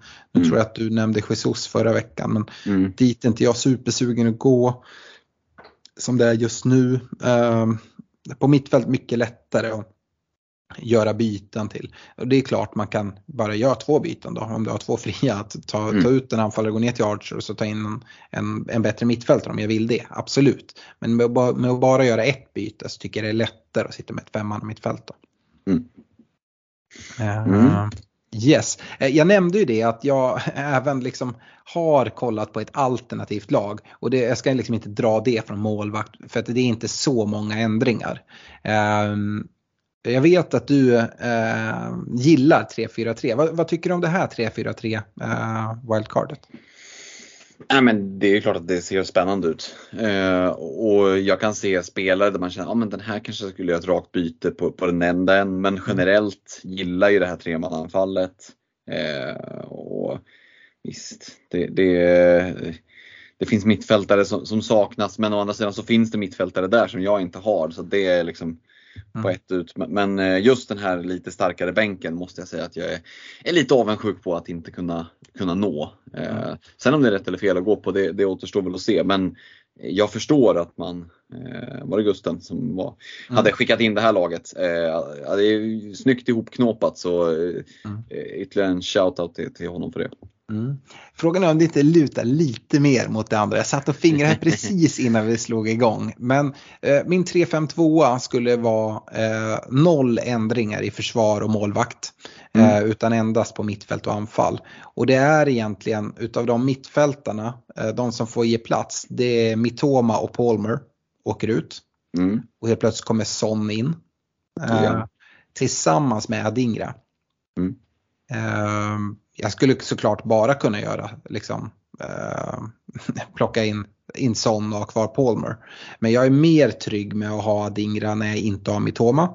Mm. Eh, och jag är mer trygg med att ha Dingra än att ha Palmer om jag ska starta honom vecka efter vecka. Ja. Eh, med, med Chelseas spelschema och dessutom de här osäkerheterna kring eh, ja, men på lite längre sikt vad som händer när en Kunko kommer tillbaka. Um, ja och sen lite som du är inne på, hade, hade Chelsea haft Brightons spelschema och, och vice mm. versa, ja men då hade det varit rimligt att gå på Cole Palmer. Men när, när det är Brighton som har spelschemat så känns det ju rimligt just om man ska spela spelaren. Ja. Eh, snarare än att bänka honom. Och då, då blir det ju liksom, ja men Darwin B. Archer. Eh, mm. där. Så att i mm. så fall så har jag ett eh, femman mittfält som ska spela typ varje vecka då med, med Saka, Son, Sala, Adingra, Bowen. Mm. Som jag tycker är starkt. Ja, eh, tillsammans med Watkins, Haaland på topp. Mm. Eh, och Archer, ja men det är liksom ingen kanongubbe men han är bättre än Sims som jag hade tidigare. Här är det ja. om jag behöver få in en gubbe så är det någon som förhoppningsvis startar i alla fall. Eh, så det laget tycker jag också är rätt starkt. Det är samma, samma backlinje, eh, samma målvakter. Vilket också gör då att ja, men, skulle jag behöva spela fyrbackslinje någon gång eh, för att Adingra liksom helt plötsligt tappa sin plats eller ja, men, vad det kan vara så är det inte hela världen. Um, men ja, då kommer jag behöva göra någonting. Men jag kommer kanske inte sitta med det här laget i all framtid. Men då får jag även in en Spurs-gubbe. Jag får in just Son. Mm. Um, som jag hellre vill ha än Madison. Jag vet att uh, du kanske inte värderar dem riktigt på samma sätt. Men uh, ja, jag, jag vill hellre ha Son än, än Madison. Mm. Uh, och får ihop det. Jag har 0,2 i banken med det laget. Mm. Ja, det är ju imponerande att kunna få in både Saka, Sala, Son och Haaland. Och Watkins ska vi också lägga mm. med där. Det är ju en... Uh... Jag tycker inte att det är jättemycket uppoffringar heller. Nej. Det... Uh, jag tycker att bänken är okej. Okay. Mm. Eh, första bänkspelare blir ju en försvarare, Guay då till exempel. Mm. och sen Archer och, och Taylor. Det är ingen superstark bänk. Eh, det säger jag inte heller. Sen är det så här, hur ofta behöver man den här bänken kopplat till fem byten? Ofta, eh, ja men Adingra, får han bänken, ja men det är ganska stor chans slash risk att han kommer in antingen med en minut kvar eh, eller med 20 minuter kvar. Mm. Eh, då tar man hellre 20 minuter. Eh, men ja, jag vet inte. Det är i alla fall så. Jag tänker mest att en, liksom en stark bänk ger dig fördelen vid eh, just det här om det händer någonting, att man inte tvingas att panika och göra ett byte och ta minuspoäng eller vad det nu kan vara. Utan att man ja, lite kan lappa och laga med den bänk man har om man har lite bättre det. Ja och sen är det ju lite det med, ja men okej nu väljer du Adingra här. Eh, det ska jag inte sticka under stol med. Det valet gillar man ju. Eh, men det är inte så heller så att han vandrar i någon liksom Gobi-öknen själv här i den prisklassen utan det finns en Cole Palmer. Eh, du var inne på det finns en Thomas Zuzek, nämnde vi tidigare mm. förra veckan. Där. Så det finns ju ändå någon, ett par räddningsplankor att kunna gå. Vi har ju en Enzo Fernandes där också. Mm. Eh, worst case, liksom, om det är så att Adingra helt försvinner. För vi, som sagt, för ett par månader sedan så hade vi aldrig hört hans namn. Mm. Eh, så att han har ju liksom kommit lite från ingenstans. Eh, men jag tycker att det är värt att nämna också att det är liksom inte så att det finns att ja men, då kliver vi in genom sista dörren och så är det bara stupet kvar. Utan det finns ändå någon form av väg därifrån. Eh, även med ett rakt byte. Sen kan ju han vara en del av ett dubbelbyte också såklart. Mm. Eh, men just att det finns ett eller ett par alternativ som ändå känns helt okej okay i prisklassen tycker jag också gör att det känns lite mer lugnande att, att gå på. För det, det är ju liksom definitionen av en pant får man väl ändå säga. Eh, ja, och det, det känns helt okej okay just nu som du är inne mm. på. Men jag tror det här är någonting, om vi pratar narrativ som kan vända, kan vända fort kring mm. alla de här vi nämner. Cole Palmer, ja, hur, hur bra alternativ kommer han vara och hur länge då? Mm. Eh, han kan vara det resten av säsongen, absolut. Men det finns inga garantier. Precis som att det inte finns det hos Adingra, det finns inte det hos Zuzek. Eh, jag gissar, liksom, Zuzek har ju fått flytta fram nu så han spelar liksom längre fram än Ward Prowse. Eh, men Kudos ska väl in där på något mm. sätt tänker jag. Och jag vet inte om det är på Zuzeks bekostnad eller att Zuzek får någon annan roll längre ner i banan eller vad det är. Det jag gillar med Zuzek är att han har skjutits fram sådär. Um, men det är väl någon, någon uppoffring man får göra. Mm. Um, så just nu, ska jag säga att det är 60-40 till 3-5-2 i alla fall och det lag jag presenterar där. Mm. Uh, men jag ska också säga det att anledningen till att jag dragit wildcard det är det här 3-4-3 bygget som, som Gusten Annebro uh, presenterade. Mm. Uh, alltså jag gillar det också väldigt mycket. Tycker dock att det är lite mer risky med, med Darwin till exempel. att, mm, kommer, han, kommer han frustrera mig som han gjorde förra säsongen? eller kommer han flyga ordentligt och gör så att jag bara drar i, i ranken. Mm. Jag gillar båda men jag måste säga att jag har en liten extra känsla för 3-4-3 bygget. Jag mm. det såg, såg fint ut. Yes. Ja, eh, det är eh, mitt wildcard. Mm. Eh, och eh, vi sa ju det, vi, vi körde ju en, en eh, en Discord-sändning för våra Patreons och pratade wildcard förra veckan. Eh, både du och jag var med där och mm. hade ett gött snack. Blev det? En och en halv timme? Ja, 1.40 tror jag det är med ja, på. Till och med det. Eh, så såklart blir det inget sämre den här veckan. Det är klart, det kommer, jag kommer fortsätta plita här och sen så prata wildcard. Jag tror att det är fler eh, utav våra lyssnare som är på wildcard den här veckan än förra veckan. Mm. Eh, vill man gå in och prata wildcard eller prata annat bara. Eh, både i våra messenger-trådar men även om möjlighet just den här veckan till Discord-snack som blir Ja, det blir lite som en livepodd men där ja. eh, även ni lyssnare har, har möjlighet att ja, men, Eh, dels komma med, med er syn i olika frågor men också då ställa frågor och komma med förtydliganden när vi miss, missförstår frågorna eller, eh, eller så. Man kan skicka in sitt lag så att vi ser det men sen kan man prata lite om det och sina tankar och få feedback. Eh, men jag kommer presentera mitt wildcard-bygge då och det gör vi väl. Eh, det är fredagsdeadline eh, mm. den här veckan så att Och jag sitter på ett tåg ner till Göteborg på fredagen för Glenn-eventet så att eh, det kommer bli svårt att få till på fredagen innan deadline. Så att det blir nog torsdag kväll som vi gjorde sist också. Eh, så vill ni vara med oss där, eh, gå in på patreon.com svenska FBL, stötta oss med 25, 35 eller 50 kronor. Så får ni tillgång till Discord, Messenger-trådar, vara med i diverse utlottningar som vi kör. Få vara med i vår Patreon-liga med, med fina priser också. Mm. Så mm, ja, det tycker jag definitivt att ni ska eh, göra om ni inte redan har gjort det. Ja, vi ska ju säga det också, ni som hör det här nu. Jag har aldrig varit inne på Discord och sådär. Men det är jätteenkelt. Vi kommer lägga en länk i Messenger-trådarna och på, i vår Facebookgrupp för eh, våra Patreons. Man går in på den, reggar sig, det är jätteenkelt. Du väljer ju också själv. Vill du bara vara med och lyssna? Det är helt okej. Okay. Vill du vara med och lyssna och skriva in i chatten? Då gör du det. Vill du vara med och lyssna och hugga in och snacka? Då gör du det. Det är helt okej. Okay. Eh, vad man än liksom känner för. Man kanske ligger och nattar barn och vill ha liksom en livepodd i öronen, då kör man på det. Eller så sitter man liksom framför datorn med FPL-team samtidigt. Det är också helt okej. Okay. Eh, så att, eh, häng på på torsdag. Det är, det är sjukt skoj. Och vi, ja, men, eh, det var jätteskoj, jätteskoj senast och som du säger Alex, jag tror att det är ännu fler som sitter på med ett aktivt WC. Och, ja, det blir spännande att höra vad ni har för inputs då. Mm, hälla upp en torsdagswhisky kanske ja, så man snacka lite wildcard. Mm. Nej, tackar inte nej till. Nej, eh, vi ska gå till veckans rekommendationer och Ehm, ja Fredrik, vi börjar i försvaret. Eh, förra veckan rekade du Semikas, Cash, Gabriel. Eh, alla de satte mitt wildcard. Har du någon anledning att uppdatera här? Nej, egentligen inte. Det går ju att vrida och vända men jag kan inte se liksom att, eh, att jag ska kunna hitta en anledning till att göra det utan jag gör ett statement i att de tre är kvar. Tycker att det är tre kanonbackar att kika mot. Du var inne på att Cash där, ja det det, det, kan ju finnas billiga alternativ just i Villa och sådär men med spelschemat som är nu med Luton hemma, Forest borta, Fulham hemma. Aj, jag, jag blickar ju mot kommande fem och tycker att det ser riktigt fint ut för Villa. Så att, nej, eh, Semikas Cash Gabriel sitter kvar. Mm. Eh, jag hade ju ganska liknande förra veckan. Cash, Trippier, Gabriel hade jag då.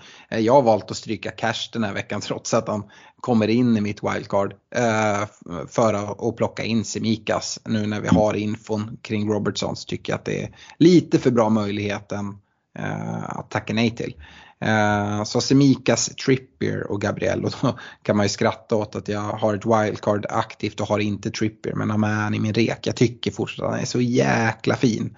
Eh, och det kommer verkligen vara en större differential nu från Game Week 10 och framåt än vad det har varit. För att jag, eh, jag är övertygad om att hans TSB kommer sjunka.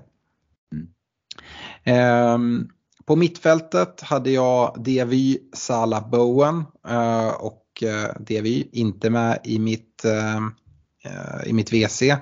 Inte heller längre med bland mina rekar. Inte en dålig spelare som man på något sätt offrar ett byte på. Men jag har valt att lägga till Mitoma istället. Så Sala, Bowen, Mitoma. Och sen så blir det väl så här, det här är väl sista veckan jag får ha med Sala. Jag tycker att det börjar bli, tycker själv att det börjar bli lite trött. Alltså en trött rek. Skulle kunna ja, jag, jag stryker Sala nu bara liksom sittande stund eh, och kastar in Saka där istället. Eh, mm. Så Saka, Bowen, Mitoma. Eh, du hade Madison, Gordon och Devi. Mm, och här tänkte jag göra till skillnad från eh, i, i, försvaret lite storstädning. Eh, och det är väl egentligen inte för att någon av de här är dåliga alternativ. De sitter i mitt bygge allihopa och, och jag säger inte att man ska byta ut dem men för att vidga vyerna lite och, och och hitta lite namn sådär så tycker jag att Bukayo Saka förtjänar eh, att vara med i reken och, och, det är ju en spelare som många kanske har skeppat sedan tidigare och, och, nu behöver vända sig till och jag tycker att det finns anledning att göra så. Eh, nu, jag, jag hade ju lite flax där som chansade på att han skulle vara, vara helt i helgen och det var, han kom ifrån med en, en return i alla fall, eh, lite poäng och nu ser ju spelschemat fint ut så Bukayo Saka ska med. Sen kan jag inte låta bli att nämna då, eftersom jag var där och nosade lite förra veckan, en Adingra eh, som en möjliggörare. Du nämnde Mittoma och, och, det kanske är den bättre spelaren, eh, tycker jag, håller jag ju såklart med om. Men Adingra som möjliggörare, som en femtefältare för 5,0 tycker jag känns spännande, speciellt med, med Brightons fina schema. Eh, och sen så tror jag kanske, om jag minns rätt, att det var Stefan förra veckan som rekade en Luis Diaz i Liverpool. Eh, om man då inte har möjlighet att gå till en Darwin Nunez uppe i, i, anfallet så tycker jag att Diaz flyger lite under radarn. han är ju också en sån här väldigt direkt spelare, skapar mycket hela tiden. Eh, och nu kommer det fina matcher, nu ska vi inte hålla på landslagsresa på ett tag här. Jag tycker att Luis Diaz för 7,5 är en spännande spelare under 10% i TSB. Så det är också fina poäng. Så det får bli Adingra, Saka, Luis Diaz i min lek. Mm. Håller du kvar dina Watkins, Jesus eller faller du in i min Darwin-kör där? Eh, alltså, här satt jag och funderade länge och väl. Hur, hur, hur ska jag liksom göra? Men, men jag väljer faktiskt att hålla kvar både Jesus och Watkins. Watkins är inte så mycket att snacka. Det är ju, börjar ju nästan bli löjligt över att vi inte, men ja, han är ju ändå så pass liksom icke etablerad uppe i någon form av världstopp så att det går väl att ha kvar honom Eh, utan att skämmas allt för mycket. Eh, men så Watkins får vara kvar. Men jag tycker att Jesus, så att han gjorde mål här samtidigt som vi spelar in i, i, i Champions League också och med det här schemat som är Eh, så jag kan absolut se att folk, att man, jag kan förstå att man vill dubbla upp i, i Arsenal-offensiven. Eh, och vi var inne på det, det är trångt på mittfältet. Ja, hur gör man då? då? Det är mycket pengar, 7,9 miljoner. Eh, men eh, alltså TSB på vad då? 3,5 procent. Kalla det för en pant, kalla det vad ni vill. Men det är i alla fall det är poäng som du är ganska ensam om att plocka om, om man får träff på honom. Ja, han gör ju till och med 1 plus 1 ikväll borta mot Sevilla. Mm. Jesus. Han spelar ju fram till Martinelli till första målet. Ja. Eh, jag håller kvar i Darwin och Watkins. Mm. Tycker som sagt, jag har pratat Darwin eh, lite här i, i V1. Mm. Um, yes, den spännande kaptensdiskussionen då Fredrik. Ja, men vi har ju fredagens deadline ska vi nämna. Mm. 19.30 eh, gäller det att ha satt i ordning sina byggen, satt i ordning vart binden ska sitta och sådär. Eh, Palace Spurs är det som börjar.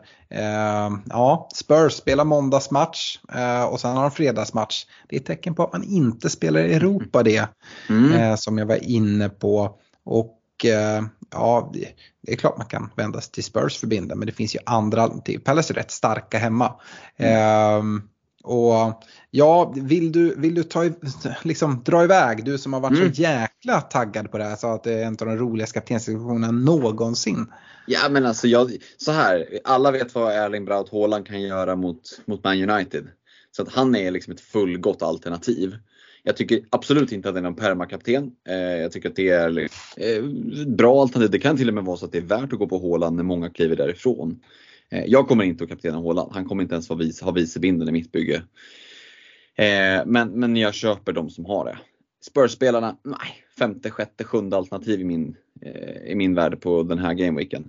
Ollie Watkins mot Luton hemma. Oh, det smärtar mig att jag förmodligen inte kommer bindla honom för det där luktar ju double digits. Alltså, oj, den formen Watkins är mot ett Luton hemma. Oh, oj, det är nästan så jag borde bara flytta binden i busslaget dit nu känner jag.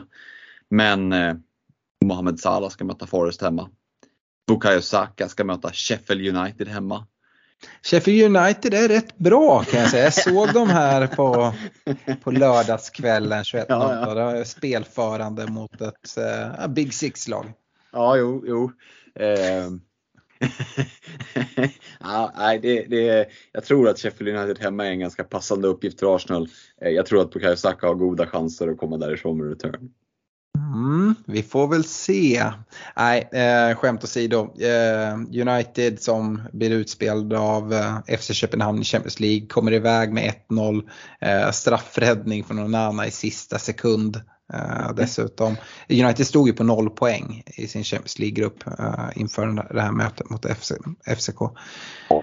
Ehm, ja, eh, Nej, jag, jag hör vad du säger. Eh, tycker väl att eh, det är vettiga, vettiga personer att, att nämna.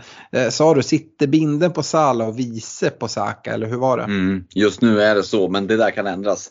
Mm. Sala, Saka, Watkins, där är jag, där är jag flytande i min, i min liksom, Mm. Ja, i mitt mentala känslotillstånd just nu. Det kan, det kan bli vem av dem egentligen. Eh, för jag tycker att de har så himla fina matcher och de, är, de ser fina ut alla tre. Men just nu är det Salah eh, och det är egentligen på, ja, på höjd.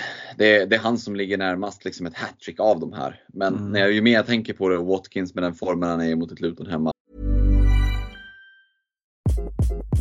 Hi! This is Craig Robinson from Ways to Win, and support for this podcast comes from Invesco QQQ, the official ETF of the NCAA. Invesco QQQ is proud to sponsor this episode and even prouder to provide access to innovation for the last 25 years. Basketball has had innovations over the years too. We're seeing the game played in new ways every day.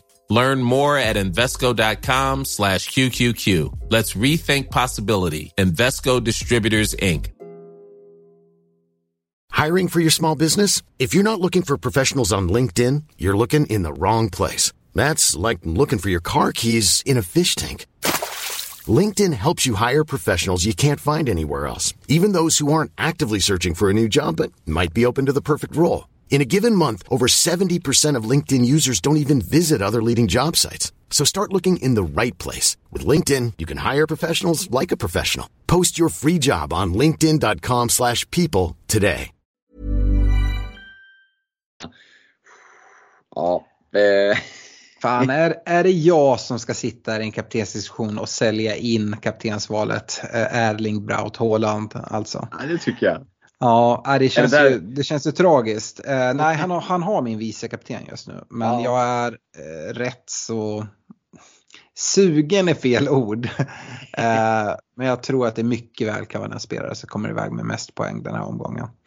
Ehm, vi får se lite hur, hur City ser ut i Champions League här i veckan. Vi, nu har vi sett United hur de har sett ut. Jag har haft ena ögat på, på andra halvlek medan vi har, vi har poddat här. Första halvlek såg jag. Eh, det skrämde inte. Eh, och eh, aj, alltså, jag tror ju att det här är typiskt sån här grej som Haaland bara växer av. Borta Paul Trafford. Alltså, jag tror att nästan att det är bättre, bättre läge än hemma Luton för, för, för Haaland. Alltså, jag tror att han bara frustar, frustar efter den här matchen. Eh, och vad var det han var ute i norsk press och härjade om att ja, men ska ni inte skriva eh, nu om ni ska hålla på och skriva negativa saker kan ni inte skriva jag är inne i min längsta eh, liksom, måltorka någonsin. Vad hade han gått tre matcher utan, utan ett mål? Det är tydligen det mesta han har varit i hela sin karriär. Den är ju bruten nu för övrigt. Det gjorde han ju. Och, och jag tror att målkontot kan fyllas på ganska mycket på Old Trafford faktiskt. Sista matchen på söndagen. Får jag sälja in den så då? Ja, det är också. Men jag är lite nyfiken på hur du tror att Ten Hag kommer att ta sig an matchen.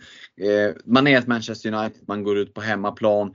Tror du att han ändå kommer att, spela ganska tillbakadraget? Eller blir det liksom att möta City med blanka svärd och Alltså tillbakadraget har man ju varit mot Sheffield United och, och eh, FC Köpenhamn. eh, Ja, men, på nu, men nu är det Manchester Derby hemma på Old Trafford.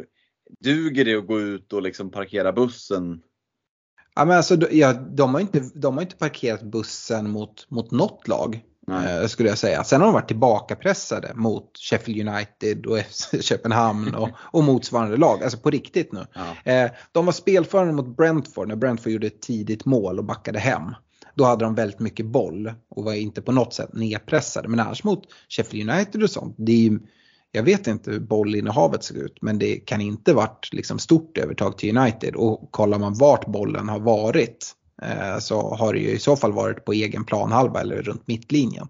Mm. Eh, jag förväntar mig att eh, United kommer försöka Alltså jag tror inte de kommer backa hem och försöka stänga och bara spela på omsp- omställningar som hade varit det bästa. Men det är nog, de klarar inte av att spela det spelet. Eh, I, I Champions League idag så startar de Maguire och uh, Varann. Det är Maguire som gör 1-0 målet för United som, som blir slutresultatet också. Eh, men alltså Nej, jag, jag tror att United kommer bli uppkäkade ordentligt där på, eh, på söndag eftermiddag. Men ändå så är det bara vicebinden just nu på Haaland. Ja, just nu sitter binden på Mohamed Salah precis som för dig. Mm. Mm. Men jag har mina betänkligheter där också. Forrest är eh, mycket bättre defensivt än vad de eh, får liksom erkännande för tycker jag. Mm. Eh, de kommer definitivt ta sig an den här matchen så som vi pratar om United kanske borde göra. Att liksom försöka stänga ner den. Jag tycker att dessutom de som inte har haft Salah nu i Game Week 8 och Game Week 9 uh, som jag har haft, de har pratat mycket om lite, lite flyt med Salah-poängen. Um, han får ju springa in ett mål mot Everton här i liksom slutminuterna när, när Everton chansar lite mm. uh, och sen får, kommer det straffar. Liksom. Och det, så är det ju när man, när man väljer en spelare som, som är straffskytt. Men det kommer inte komma straffar sådär på löpande band. Och, um, ja, jag vet inte, jag har mina betänkligheter kring Salah. Uh, samtidigt som ja, han har en blank på hela säsongen och den vet vi ju allihopa skulle inte ha varit en blank. Uh, det var ju mot Spurs. Ja. Uh, då skulle han ha assen. Mm. Ehm, så att, ja, jag vet inte. Ehm, jag, jag kommer inte sätta varken vice eller bindel på varken Watkins eller Saka trots att de kommer vara i mitt bygge oavsett vilket eh, VC-alternativ jag väljer. Um, uh, det står mellan Salah och Haaland. Där kommer kaptenen och vice vara. Um, vem som har en Svårt att säga. Eh, båda spelar ju på söndagen så det kommer inte vara någon bindel för mig på Glenn-eventet. Vilket, vilket känns jäkligt skönt.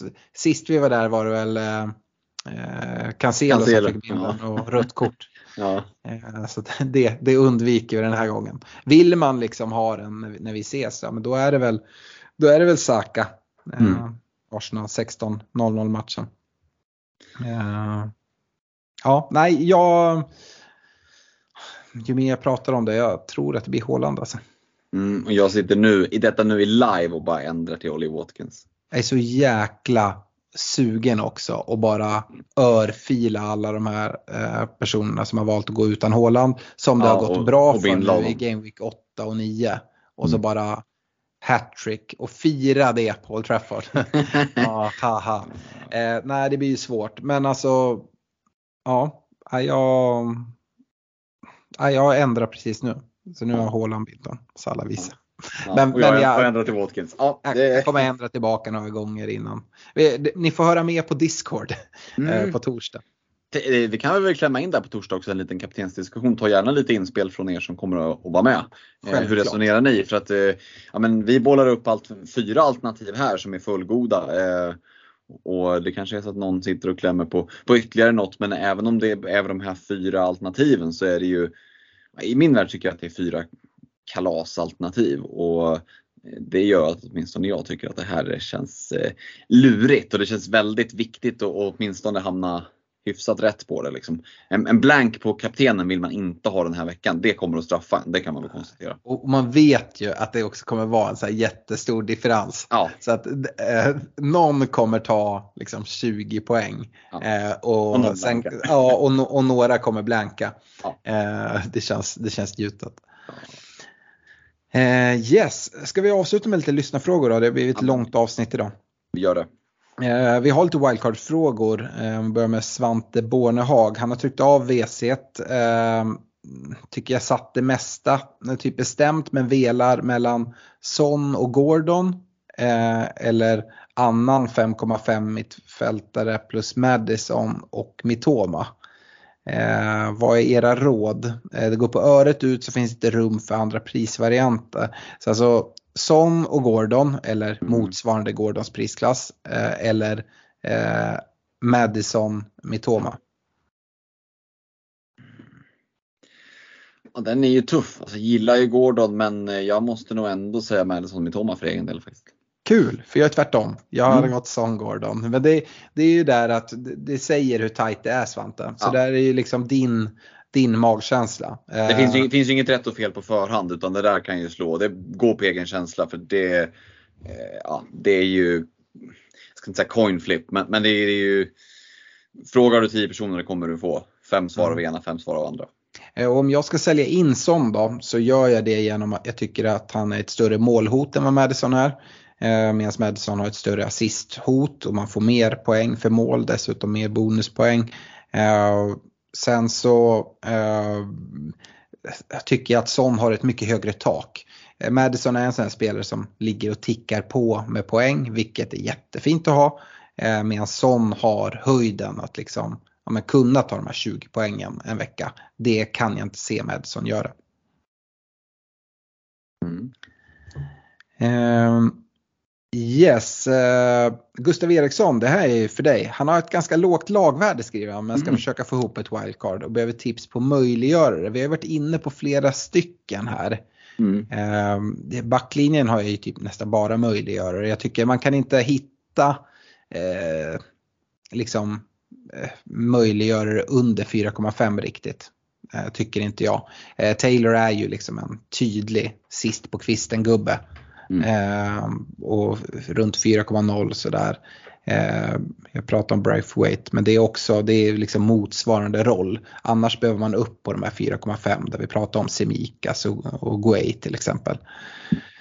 Eh, på mittfältet däremot finns det ju jättemånga eh, och där har vi ju diskuterat redan. Eh, jag lutar mot Adingra om eh, jag inte har Mitoma, eh, annars Cole Palmer. Men jag känner mig inte helt bekväm att ha Cole Palmer som en, eh, en gubbe jag ska starta varje vecka i mitt femman och mitt fält. Jag vet inte vad du tänker där. Nej, och det är väl just det där med schemat och hur mycket kommer man vilja spela honom här nu i början. Och du var inne på Nkunku, Jackson, det finns ju konkurrens och mm. och allt vad, allt vad de heter. Mm. Eh, eh och just Chelseas eh, men spelformationen känns fortfarande som att Pochettino söker lite efter liksom den här givna elvan. Den, den finns ju inte riktigt utan det är Mudrik och det är Sterling och det är Palmer och så ska Nkunku och Jackson in i det där och Enzo Fernandez ska, mm, det, det, har inte riktigt satt sig än. Eh, vill man ha, kika mot ytterligare en möjliggörare så tycker jag, vi har inte nämnt honom hittills, men vi har nämnt att när vi pratade Brighton där så finns ju en Evan Ferguson som ligger och hovrar lite och också har poäng i sig, speciellt nu med det här fina spelschemat på kort sikt och Welbecks skada här nu så borde han ha ganska god chans att få en del speltid. Ehm. Men Welbeck ska typ vara tillbaka. Jag tycker att det är lurigt där med mm. speltiden. Jag gillar mer Mitoma och eh, Adingra. Äh, mm. Men jag förstår varför det går dit. För att det är lättare att hitta plats till en anfallare. Eh, men då är det nästan så att jag hade gått ännu billigare och gått typ till en Joao Pedro. Mm. än, än Ferguson faktiskt. Men, mm. men det finns, annars är det svårt på anfallssidan att hitta, hitta möjliggörare. Ja, verkligen. verkligen. Uh, jättesvår fråga också från Fernando Torres Lovers. Vilka är era topp 5 must have i ett wildcard Game Week 10? Uh, och det beror helt på vad man väljer lite för, för, för upplägg. Jag tycker att Salah eh, bara ska vara med. Jag har ju till och med lekt med tanken att om jag plockar ut hålan, vad, vad kan jag göra då? Men jag tycker mm. inte att uppsidan riktigt finns där. Eh, eh, men jag, jag, jag, tycker Watkins ska vara med, jag tycker Salah ska vara med. Eh, jag tycker Sa ja, Saka, mm. Bowen gillar jag väldigt mycket. Mm. Ehm, ja, Nej, det, är väl det. Måste, Areola måste man ha med. Ja, eller hur. Eller hur? Nej, jag vet inte. Det, det, är lite lurigt det där och det beror lite på hur man, hur man tänker. Om man ska gå på en 3-4-3 eller en 3-5-2. Det finns också ett val. Ska man trycka in alla de här som jag försöker göra i min 3-5-2 där det ska ha Son och Saka och Haaland och eh, Ja, eller väljer man att göra det jäkligt enk enkelt för sig konstigt sagt, men gå utan hålan. Men budgetmässigt blir det ju väldigt enkelt. Ja, då kan du bara plocka vilka du vill ha egentligen. Ja, eh, så att då blir det en helt annan sak. Mm. Yes, eh, Fritiof Thalin då. Eh, han har tyvärr suttit med Rashford alldeles för länge. Nu när värdet har droppat så på honom känns det lite jobbigt att byta ut honom. Eh, att United är kanonusla hjälper inte direkt hans utsikter. Eh, har egentligen inget övrigt som behöver lösas på kort sikt och har inte råd med något rakt och uppenbart byte så som att gå till Sala. Så frågan, tror ni att det är värt att sitta kvar och hoppas på att han hittar formen eller bara bita i det sura äpplet och skeppa honom? Bit.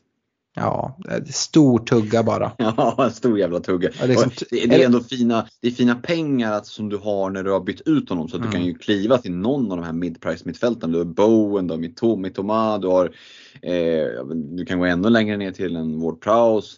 Gillar man Diabys matcher går man dit. Eh, vill man gå på Madison, går, alltså det är hur mycket som helst att välja på. En jävla godisaffär och, och, och, du har precis fått en hundring i näven så det är bara in och handla liksom. Eh, jag, jag, alltså- tycker heller inte han ska eh, liksom utesluta minuspoäng. Och, och, han nämner det här, det finns inget rakt byte att gå liksom till Sala. Men kan han ta ut Rashford och en gubbe till och typ för en minus fyra kunna få in Sala. Mm. Ja, kör hade jag sagt. Ja, ja. Eh, och det här sura äpplet, ta en riktigt stor tugga och sen tuggar du inte det när du har det i munnen utan då bara gör en sån Svälj. riktigt ansträngd svällning där liksom man ser hela halsen liksom vidgas eh, när, när du sväljer. Ja. Ehm, yes. Eh, Christian Granberg då, han har två frågor. Eh, I backlinjen så har han Udogi, Guardiol, Trippier som en trebackslinje med eh, Andersen i Pallas som första reserv. Bra backlinje. Mm. Han undrar om man eh, ska byta ut Guardiol och Udogi inför kommande matcher eller eh, ska han bara rotera? Jag vet inte om det är värt att lägga byten på den där backlinjen. Nej, tycker jag inte. Eh, kanske att det är lite mycket pengar där jämfört med de här Mm. backlinjerna vi har kollat på. Eh, men om man inte är på ett wildcard, det är inga problemspelare att sitta med. Eh, och att Udogi byttes ut, det berodde ju på en liten känning han hade. Var, eh, var eh, Postecoglou ute och, och pratade om. Och alltså hans plats känns inte som ett problem. Jag tror inte att han kommer vara borta utan det var en säkerhetsåtgärd bara när de gjorde andra målet att ah, kliva av då. Mm. Eh, andra frågan var att han funderar på att byta Foden framöver men vet inte vart han ska. Han har redan en Boemo, Sterling, Bowen och Son. Funderar på Neto eller Madison. Mm. Eh, Jag hade ju velat gå Ingen till Arsenal. Saka. Jag tänkte säga ingen Arsenal-täckning där. Nej. Ehm, Foden 7,6. Eh, ja. Alltså Saka eller det finns Martinelli börjar ju hitta lite form igen. Mm. Det är väl kanske mer av ett rakt byte om inte pengarna finns. Ja. Och det är ju så, alla går ju, eller alla, men väldigt många går ju just till Saka. Mm och, och är man en sån som jagar och ligger efter eller känner att men jag vill inte gå till den som alla går till. Då tycker jag Martinelli kan vara ett spel, eller Ödegård för den delen. Men Martinelli är ju lite billigare så där finns det ju liksom en, en uppsida i det. Eh, att just ha lite, lite Arsenal-täckning behöver inte vara fel. Eh, men men det, man ska också vara medveten om att Saka är ju det mest populära alternativet av en anledning. Eh, Mm. Men eh, om inte pengarna finns så skulle det ändå kunna vara, även om jag inte är så förtjust i det, att ah, men jag vill egentligen ha den här så jag tog den här istället. Så just det här fallet kan jag ändå se att eh, Martinelli liksom har en uppåtgående formkurva. Mm. Eh, Toffe Grön då, eh, han undrar hur ser ni på att gå utan Håland men täcka inom citationstecken honom med Alvarez? Funderar på att göra bytet Håland till Watkins denna vecka som dessutom då möjliggör att ta in en Arsenal mittfältare. Detta måste ju vara rätt väg framåt. Ja, men för det första så kan man ju inte täcka Haaland med Alvarez. Det har gått. Eh, nu, ja, men över, över, över, över tid precis. Det är ju Mm. senaste veckorna, men över tid tror inte jag på det. Så. Mm. Eh, sen är det är ju bonus att gå utan Håland. Speciellt då när han kommer och, och träffa och folk, många har vindlat honom. Eh, som du säger, det har, det har funkat någon enstaka vecka och så här. Eh, jag tror ju inte på det på sikt. Jag tror att Håland är för bra. Helt enkelt. Tyvärr. Eh, och sen just att när du väl kliver utan honom, eller kliver, liksom, kliver av det tåget, då vill du ju sprida ut de pengarna. Mm. Eh, och om du då, och så gör han hattrick, två mål hattrick, ja, då kommer ju alla vilja ha in honom igen. Och hur fan ska du få in honom då? Ja, så här, jag, jag tycker inte att det är helt fel. Eh, Det beror på lite vilken manager man är. Eh, Man ska vara mm, väldigt eh, risktagande manager för att göra det skulle jag vilja säga. Mm. Eh, Men det finns ett case, precis som man säger, han har ju inte Watkins. Nej. Eh, Och Watkins är riktigt bra läge att kliva på nu. Eh, Så att jag Håland till Watkins, fullt rimligt. Dessutom ta in en Arsenal-mittfältare är det dessutom då att ta ut liksom en, en riktigt usel eh, problem mittfältare som kanske har varit väldigt billig och göra han till Saka helt plötsligt. Ja men det gör ju att laget ser betydligt bättre ut och då sprider man ut de här pengarna som du är inne på. Mm. Mm, fast inte på så många spelare. Men eh, tycker inte att det är helt uteslutet men beror på många saker. En sak du måste fråga dig är eh, hur du kommer reagera om slash när Haaland gör kaos Eh, han gör ett hattrick eh, mot Bournemouth, eh, låt säga, i, eh, i Game Week 11. Hemma på Etihad. Det är inte helt otänkbart. Eh, det naturliga då är att kolla, okej men jag kan ändå binda, bindla Salah den veckan för Salah har en bra match borta Luton. Eh, och det är det ju. Det kommer bli en intressant kaptensdiskussion att- föra tycker jag.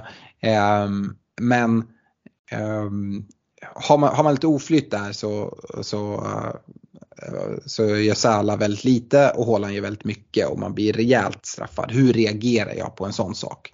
För det är möjligt. Eh, om man skulle reagera oerhört dåligt på det skulle jag inte göra bytet alls. Det andra som kan vara värt att väga in är, har du kvar ditt wildcard, då är det en mindre risk. För Mm. då kan du, när du väl har åkt på en sån här grej, alternativt har klarat dig igenom det till en, en punkt då du känner att men nu vill jag ändå ha in honom igen. För du kommer ju vilja ha in Haaland. Eh, det kommer vara väldigt enkelt då med ett WC. Mm. Eh, och då är det mer gångbart skulle jag säga. Om du inte har wildcardet kvar så måste du ha någon form av plan på hur du ska få in honom. Och då fbl.team in, börja kolla när kommer jag vilja ha tillbaka honom. Kollar jag nu, okej, Håland. Nej, du kommer inte vilja ha tillbaka honom mot Bournemouth. Eh, för det är för tidigt, du tar inte ut honom mot United i Game 10, ta in en Game 11. Eh, sen är det Chelsea, Liverpool, Spurs, Villa. Eh, och då är vi framme vid Game Week 15. Sen i Game Week 16 möter de Luton borta, kommer vara väldigt tungt bindlad. Game Week 17 Palace hemma. Sen har de blanken i 18. Kommer du vilja ha innan innan där? Ja, jag skulle tro det och vi förväntar oss att det ska komma någon dubbel eller tänker man att man klarar sig i blanken. Ja, men kolla lite på det där. När ska jag byta innan? Vem byter jag ut då? Vilka byten kommer jag behöva göra? Räkna dessutom att ha ganska mycket marginal för det kommer ske prisförändringar. Kanske inte att Haaland sticker iväg i pris, det tror jag inte. Men övriga spelare som du ska byta ut kanske sjunker i pris eller ja, andra som möjliggör det som ska byta in kanske framförallt sticker i pris. Mm. Så att eh, räkna lite på det. Eh, jag, jag ska säga så här, jag utesluter inte att det här kan vara en bra väg för dig att gå. Eh, framförallt om du har wildcard kvar. Men eh, ja, det, det krävs lite cojones. Mm, helt klart. Eh, Alexander Jacobo då, eh, får jag fråga om din favoritspelare, Douglas Luiz. Eh, funderar starkt på att ta in honom med tanke på att han bara kostar 5,5. Eh, gjort fem mål på nio matcher och med tanke på Aston Villas kommande spelschema.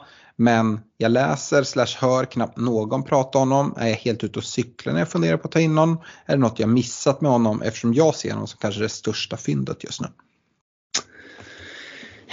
Ja, jag vet inte, jag tycker man, alltså visst straffskytt, fasta situationer i ett bra lag med fint schema. Ja, jo det, det, det finns ju såklart någonting där. Eh, men stå på fyra gula. Eh, och det är en av de där mittfältsplatserna och det behöver inte vara fel. Alltså, jag har uppenbarligen tagit en jävla massa poäng, 49 poäng. Så det, det Mm. går inte att snacka bort liksom. Men eh, jag tror inte man kan förvänta sig liksom leverans vecka ut vecka in. För det, det är han för långt ner i banan för att, för att kunna leverera. Och han har inte den, den typen av roll. Eh, och de kommer inte få straff varje vecka. Eh, 5,5 miljoner, ja alltså. Som sagt, det är svårt att säga nej, det är absolut inget bra val. Men man ska också ha med sig, han står på fyra varningar, en varning till så kommer en avstängning. Eh, så det beror på vad du har tänkt att ha honom till också. Jag vet inte vad du känner inför Douglas Luiz. Det är ingen spelare som jag har kikat mot uh, i wildcardet här eller i mina fria byten. Men som du säger, han har gjort det bra. Eh, är given straffskytt. Jag tycker att det väger ganska tungt där. Jag har svårt att byta in en spelare, stå på fyra, fyra gula. Det är ju oerhört skönt om vi pratar om en spelare som Gordon som liksom har dragit på sig de här fem och, och haft den avstängningen. Mm. Då liksom behöver man inte tänka på det. Och Nej, det ska inte hålla en från att byta in en spelare. Men kollar man på Villas spelschema eh, så är det ju ja, men Luton nu i tian, Forest i 11, eh, eh, Fulham i 12 eh, Sen så är det Spurs Bournemouth. Men sen kommer City Arsenal. Jag tror ju så här, han, jag tror inte han kommer klara sig från gult kort här. Utan han kommer missa någon av liksom, de kommande fem matcherna. Eh, och han har en sån speltid, han, eh, han drar på sig gula kort. Så att jag, mm, missar han en av de bra matcherna och sen helt plötsligt så sitter du med honom där i Game Week 15 när han ska möta City och Arsenal efter varandra. Eh, ja, Nej, jag vet inte. Jag, jag är inte superhet på honom men passar det, passar det dig så, så kliv på. Det är en spelare som, som uppenbarligen kan ta poäng. Han har ju tagit mer poäng än Diaby till exempel. Mm. I samma men, det är bra att ha med sig de här fyra gula om man inte har, hade koll på det sedan tidigare. Absolut, bra inspel. Um, Johan Norberg har utrymme att antingen göra Morris till Watkins eller Saka till Sala utan att dra minus eller wildcard. Vilket alternativ skulle ni gått på? Det finns uh, FOMO på båda i ett lag som i övrigt är relativt nöjd med. Uh, vill helst inte byta ut Saka såklart men uh, ska jag göra mot något annat byte, typ byta ut Bruno på mittfältet behöver jag frigöra lite mer pengar genom att dels dra minus 4 på ett defensivt byte. Eh, om jag väljer Watkins så löser det även min forwardsproblematik där jag utöver Haaland är svag idag. Men vågar man gå utan Salah? Mm, nej men jag förstår att man vill ha in Salah men, men eh, Morris mot Watkins i ett rakt byte, då finns det ju bra med stålar på, på banken. Jag tycker att det låter vettigt. Sitta på Saka. Klart, jag förstår att man vill ha in Salah men jag kan ändå se att man kanske kan överleva en vecka och, och skeppa Saka inför Sheffield United hemma. Det hade inte jag vågat kan jag säga. Um. Nej, jag brukar när jag står i sådana här äh, dilemman själv så brukar jag kolla på eh, vart, mitt, eh, vart är mitt största problem. Saka mm. är inte ditt största problem. Både Salah och Watkins är ju kanonbyten. Jag förstår verkligen Johan här. Um, men Morris är ett mycket större problem än vad Saka är. Dessutom säger han ju det att han har en enorm forwardsproblematik. Jag vet inte, då gissar jag att han liksom kanske har Archer, Morris och eh, Haaland. Ja, i bästa fall. Ja, eh, mm. så att ja men då kanske det kan vara skönt att få in Watkins. Som sagt den formen han har nu. Ja, man kan gå utan Salah nu. Du har ju andra spelare som, som andra inte har. Mm. Eh, och det verkar finnas pengar att ta av i backlinjen. Jag vet inte om man sitter med en Trippier då kanske. Det är en fin gubbe att sitta kvar med. Du har inte Salah men å andra sidan har du då Trippier. Det är inte många som kommer ha det. Så sitter med Salah. Ehm, jag tycker också att, men, kollar man med binden så är det ju så, visst vi pratar om att Salah kan vara ett kaptensalternativ den här veckan men då har vi även nämnt hur många andra som helst. Så det är inget problem att hitta en, hitta en annan bindel den här veckan. Uh, vi pratar också om att om en Game Week 11 då har, då har Salah Luton. Ja absolut, det, det låter ju jobbigt att inte sitta med honom då då många kommer ha binden där. Men du kan ha Haaland hemma mot Bournemouth. Alltså det mm. finns ju alternativ till Salah-binden eh, när man blickar framåt liksom vecka för vecka, tycker jag. Mm. Eh, så att visst, Salah kanske kommer vara bästa kapten i några utav veckorna som kommer framåt. Men det är inte så att det inte finns något annat kaptensalternativ i ditt bygge, det är svårt att se. Mm. Eh, ja men här en snabb och rak fråga då. Joel Torby. Son plus Bowen eller Saka plus Madison? Det, är, det här har vi det varit tidigare. Det var inte exakt team Alex mot Team Fredrik eller? Ja, alltså jag, jag är nog Son Bowen här. Ja, och Saka Madison. men, men han lägger till, okej, okay, sitter med förstnämnda, alltså Son och Bowen och värderar ja, minus då, fyra för byte till det sistnämnda. Alltså, nej, här nej. kan inte ens du vara Fredrik. Nej, nej, nej, absolut inte. Och det ska vi också vara väldigt tydliga med eh, för de som lyssnar. Eh, det är självklart för, för, för vissa men kanske inte för alla. Att när, när, vi väljer mellan två stycken alternativ om de här två eller de här två. Då blir ju det utifrån att byta in de här två eller de här mm. två. Sitter du med två stycken då är det då, då är det en helt annan grej. Det är ett helt ja, annat läge. sitta med Son och Bowen som är två gubbar som jag plockar in i mitt wildcard nu. Ja, ja, nej, äh, ta minus fyra för att bli av med dem. För att plocka in två spelare som är kanske lika bra, kanske lite bättre eller lite sämre beroende på vem, vem man lyssnar på eller vad man har för mm. känsla. Mm. Det är inte läge. Uh, då får du i så fall göra det liksom ja, men kolla för den här veckan då. Om du, om du nu inte har några andra problem, gör ett utav bytena. Eh, liksom, känner du att ja, jag vill verkligen ha in Saka den här veckan. Ja, men, gör då Son till Saka den här veckan. Mm. Och så får du göra Bowen till Madison nästa vecka. Ja, det är inte minus fyra läge i alla fall. Nej, det, det är det verkligen inte. Eh, och om du ska göra ett offra byten på det här redan nu så har du ett sjukt bra lag eh, i så fall känner jag. Mm. Eh, Jimmy Niklas Kristensen, är det värt att göra ett målvaktsbyte inför Game Week 10 om man sitter på Onana och Turner? Eller är det bara att rulla bytet? Sitter nöjd för övrigt? målvaktsbyten generellt. Det är klart att det är ju, det är ju inga höjda matcher liksom City och, och Liverpool att möta men samtidigt så jag vet inte, det är ju inte är ju noll garanti att den keepern du byter in då ska liksom om det är Ariola, ja visst Everton hemma men, men det är ju ingen garanti att det är en säker nolla på West Ham. Jag hade värderat att ha ett fritt byte eh, eller ha två fria byten liksom, till, till nästa gameweek högre än att göra ett målvaktsbyte. Mm. Onana stärkt utav straffräddningen, eh, klarar sig förbi den här City-matchen, tar de poäng man har. Sen är det ju ett bra spelschema, sen om United kommer hålla nollan ja. ändå, det vet jag inte. Men då sitter man ändå helt okej okay där. Eh, det var ju ett motsvarande läge för mig nu när jag drog wildcard. Jag hade ju suttit med, med Turner och eh, ja. Johnston. Mm. Johnston har, eh, har ju Spurs eh, mm. här på, på fredagen. Eh, och då, det hade inte varit bra, men då hade jag spelat Johnston i alla fall. Räknat med att ah, jag kommer förmodligen inte få några poäng. Sen ibland så får man ju oväntade målvaktspoäng i tuffa matcher. Men ja, hade spelat honom, sen kollar man efter ser man att Pallas schema är jättebra. Och så, då sitter jag bra med Johnston. Så att jag hade inte gjort ett målvaktsbyte då om jag hade hållit i wildcardet.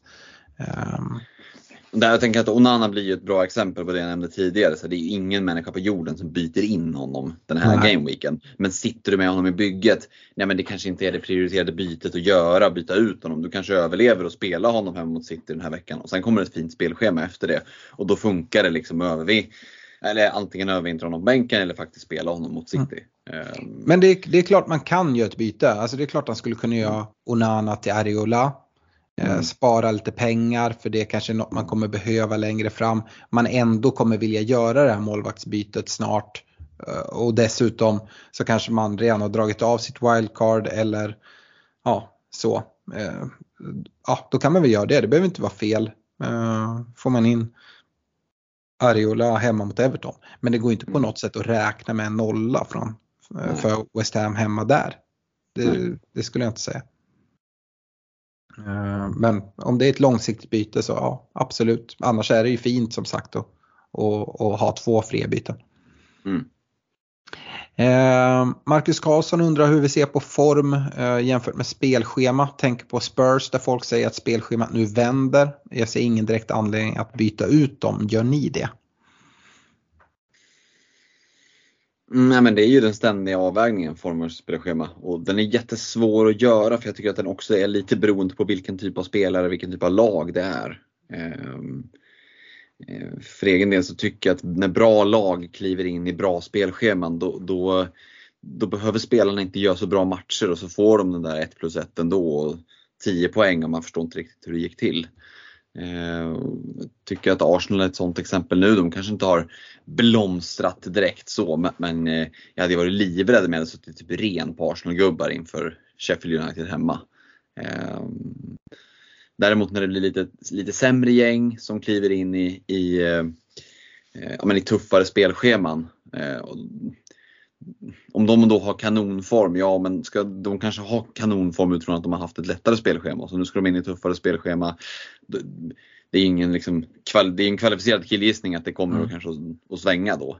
Eh, Spurs är ju luriga för de är ju uppenbarligen ett topplag i år eh, och då, då ska ett förändrat spelschema kanske inte spela lika stor roll. Nej, och det är väl inga fel på att hålla eh, Spurs-mittfältarna man har. Men jag har ändå svårt att se att Spurs ska puttra på och vinna ligan i år. Så jag tror att det kommer att komma kanske lite av en en dipp. Sen om dippen sker rent poängmässigt eh, för laget, att man släpper in, man kanske förlorar matcher. Så kan det ju vara samtidigt som Madison och Son och, och, och de här gubbarna fortsätter att leverera FPL-poäng. Eh, mm. Så, så, där får man ju se lite hur, hur det, hur det liksom går. Så jag tycker absolut inte det finns någon stress i att skeppa dem. Eh, och Spurs för mig kanske ändå är ett, ett av de mest svårbedömda just form versus, mm. versus spelschemalagen. Ja, och jag tycker så här, ofta så är det ju ingen stress att skeppa just spelare i form. Det är kanske snarare att det är stress att kliva på någon som man tror kommer som går in i ett bra spelschema som förmodligen kommer gå mot bra form. För mm. jag tycker att det är väldigt vanligt, det här är en klassisk eh, FPL-fråga, form versus spelschema. Men jag tycker att det är oerhört ofta vi ser att de hänger ihop. Mm. Alltså att när spelschemat blir bra, oj då ser vi en bra form på den här spelaren. Mm. Ja, är det en bra form då eller att han har bra matcher eller en kombination? Jag tycker ett av de absolut bästa exemplen från den här säsongen har vi i Kieran Trippier. Eh, Newcastle, om ni kommer ihåg det, hade ett tufft spelschema i början. De första fyra matcherna innan första landslagsuppehållet så mötte de Villa, City, Liverpool, Brighton. Mm. Eh, poängen på Tripper var 2-2-0-1 första fyra gameweeksen. Mm. Alltså fem poäng på de första fyra matcherna. Usel form. Ja, usel form. Eller tufft spelschema. Eh, vi har sett hur bra Villa var. Villa vann med 5-1 hemma mot Newcastle. City borta, Liverpool hemma, Brighton borta. Det är tre oerhört, kanske ligans mest offensiva byggen. Eh, och sen därefter så är det Brentford, Sheffield United, Burnley, West Ham, Palace. Då har han alltså tagit 8, 18, 12, 6, 10 poäng. Är det en slump? Nej, jag tror inte det. Eh, och på samma sätt nu, nu går man utan Trippier. Ja men nu blir spelschemat också lite tuffare. Och min förhoppning är ju då att jag tror inte att eh, Tripper kommer fortsätta bomba på med de här 10, 12, 18 poäng när han möter Arsenal och Chelsea eh, och sådär på samma sätt. Sen får vi se, eh, det, det kanske han gör, det är en bra spelare. Jag tror han kommer ta poäng ändå men jag tror att vi kommer se en viss dipp i alla fall. Ehm, så ja, nej, är, man kan absolut sitta kvar med sina Spurs-gubbar. Men det är snarare att man kanske vill kliva på någon med, med lite bättre spelschema. Sen tycker inte jag att Spurs spelschema är superdåligt eh, för deras offensiva spelare. Eh, Jan Karlström, eh, Arsenal mot Sheffield United. Är det värt att ta in en Arsenal-back som enda Arsenal-spelare eller bättre att kasta Son för Saka i Game Week 10? Eller kan man vänta till Game Week 12? De, Arsenal är ju det där, de, de har den här fina matchen mot Sheffield United nu i tian. Sen är det Newcastle borta mm. i elvan och sen så 12 så kommer det liksom det här jättefina spelschemat. Så ser man över fler, fler veckor så uh, kan det ju vara så att man kan vänta till tolvan. Uh, jag vet inte hur du ser på det. Det här är lite frågor vi har fått om, om, mm. om Arsenal kontra Spurs. Nej, men alltså rent defensivt så tycker jag väl att det, man överlever väl utan Arsenal defensiv. Det mm. kommer ju inte göra. Att du sitter med Gabriel eller Bempa White i bygget eh, nu till helgen. Det kommer nog kanske inte att, liksom rädda dig från att liksom tappa eh, när alla andra flyger på, på att eh, Arsenal har mosat Sheffield United. Eh, då kan du kanske lika gärna vänta två, två gameweeks till till, till 12 mm. eh, Då är det ju mer att, att väga att sitta ren på, på Arsenal offensiv. Ehm, och ja, det är en match, det är visserligen Sheffield United hemma men känner man att nej, men jag kan överleva en match då kan man ju spara på sig lite byten och så omgruppera lite till, till Game Week 12. Det är klart att det kan vara ett alternativ. Det, det är ju ingen garanti att, att Saka gör hattrick bara för att de har en bra match. Nej. Uh, nej, lite liknande fråga från Robert Jonsson. Planen har hela tiden varit att byta Madison mot Saka den här gameweeken. Men är det bättre att spara bytet och Arsenal möter Newcastle Game Week 11? Jag, inte, jag, jag, kan ändå se bytet från Madison till Saka, ja. absolut. Ja. Ehm, jag tycker att, att Arsenal har en betydligt mycket bättre match och, och har man de stålarna, är det 06 kanske som skiljer mm. eller någonting, eh, så, så, är väl det ett vettigt byte på förhand att göra. Mm. Patrik Andersson då undrar hur vi ser på Son. Här har vi lite olika syn då. Eh, han mm. skriver, eh, han är såklart jättebra men ojämn tycker han och Spurs närmsta matcher ser sådär ut. Samtidigt verkar han vara som bäst i lite större matcher. Funderar på att byta honom sidled mot Madison och sen uppgradera Neto till Mitoma eller Diavy. Ja men det, det är ju det, det du får med att ta Madison istället för Son det är att du får lite mm. mer pengar. Eh, antingen så får du möjligheten att ha någon, någon av dem eller också då får du möjligheten att uppgradera någon av de andra eh, mm. spelarna. Så det får man ju ställa lite då. Ja, men, men byten så... är samtidigt värda pengar. Alltså, ja, absolut. Kan jag tycka. Det... Alltså, att, alltså, är det en jätteuppgradering att gå från Neto till Diavy eller Mitoma? Nej, nej. Sådär kan jag, kan, kan, jag, kan jag tycka spontant. Eh, och då ska han dels göra ett byte från Son till Madison. Och sen, det är två byten vi pratar här. Mm. Eh, jag hade nog bara suttit kvar på Son. Och jag tycker ju, nu håller ju jag Son högre än dig.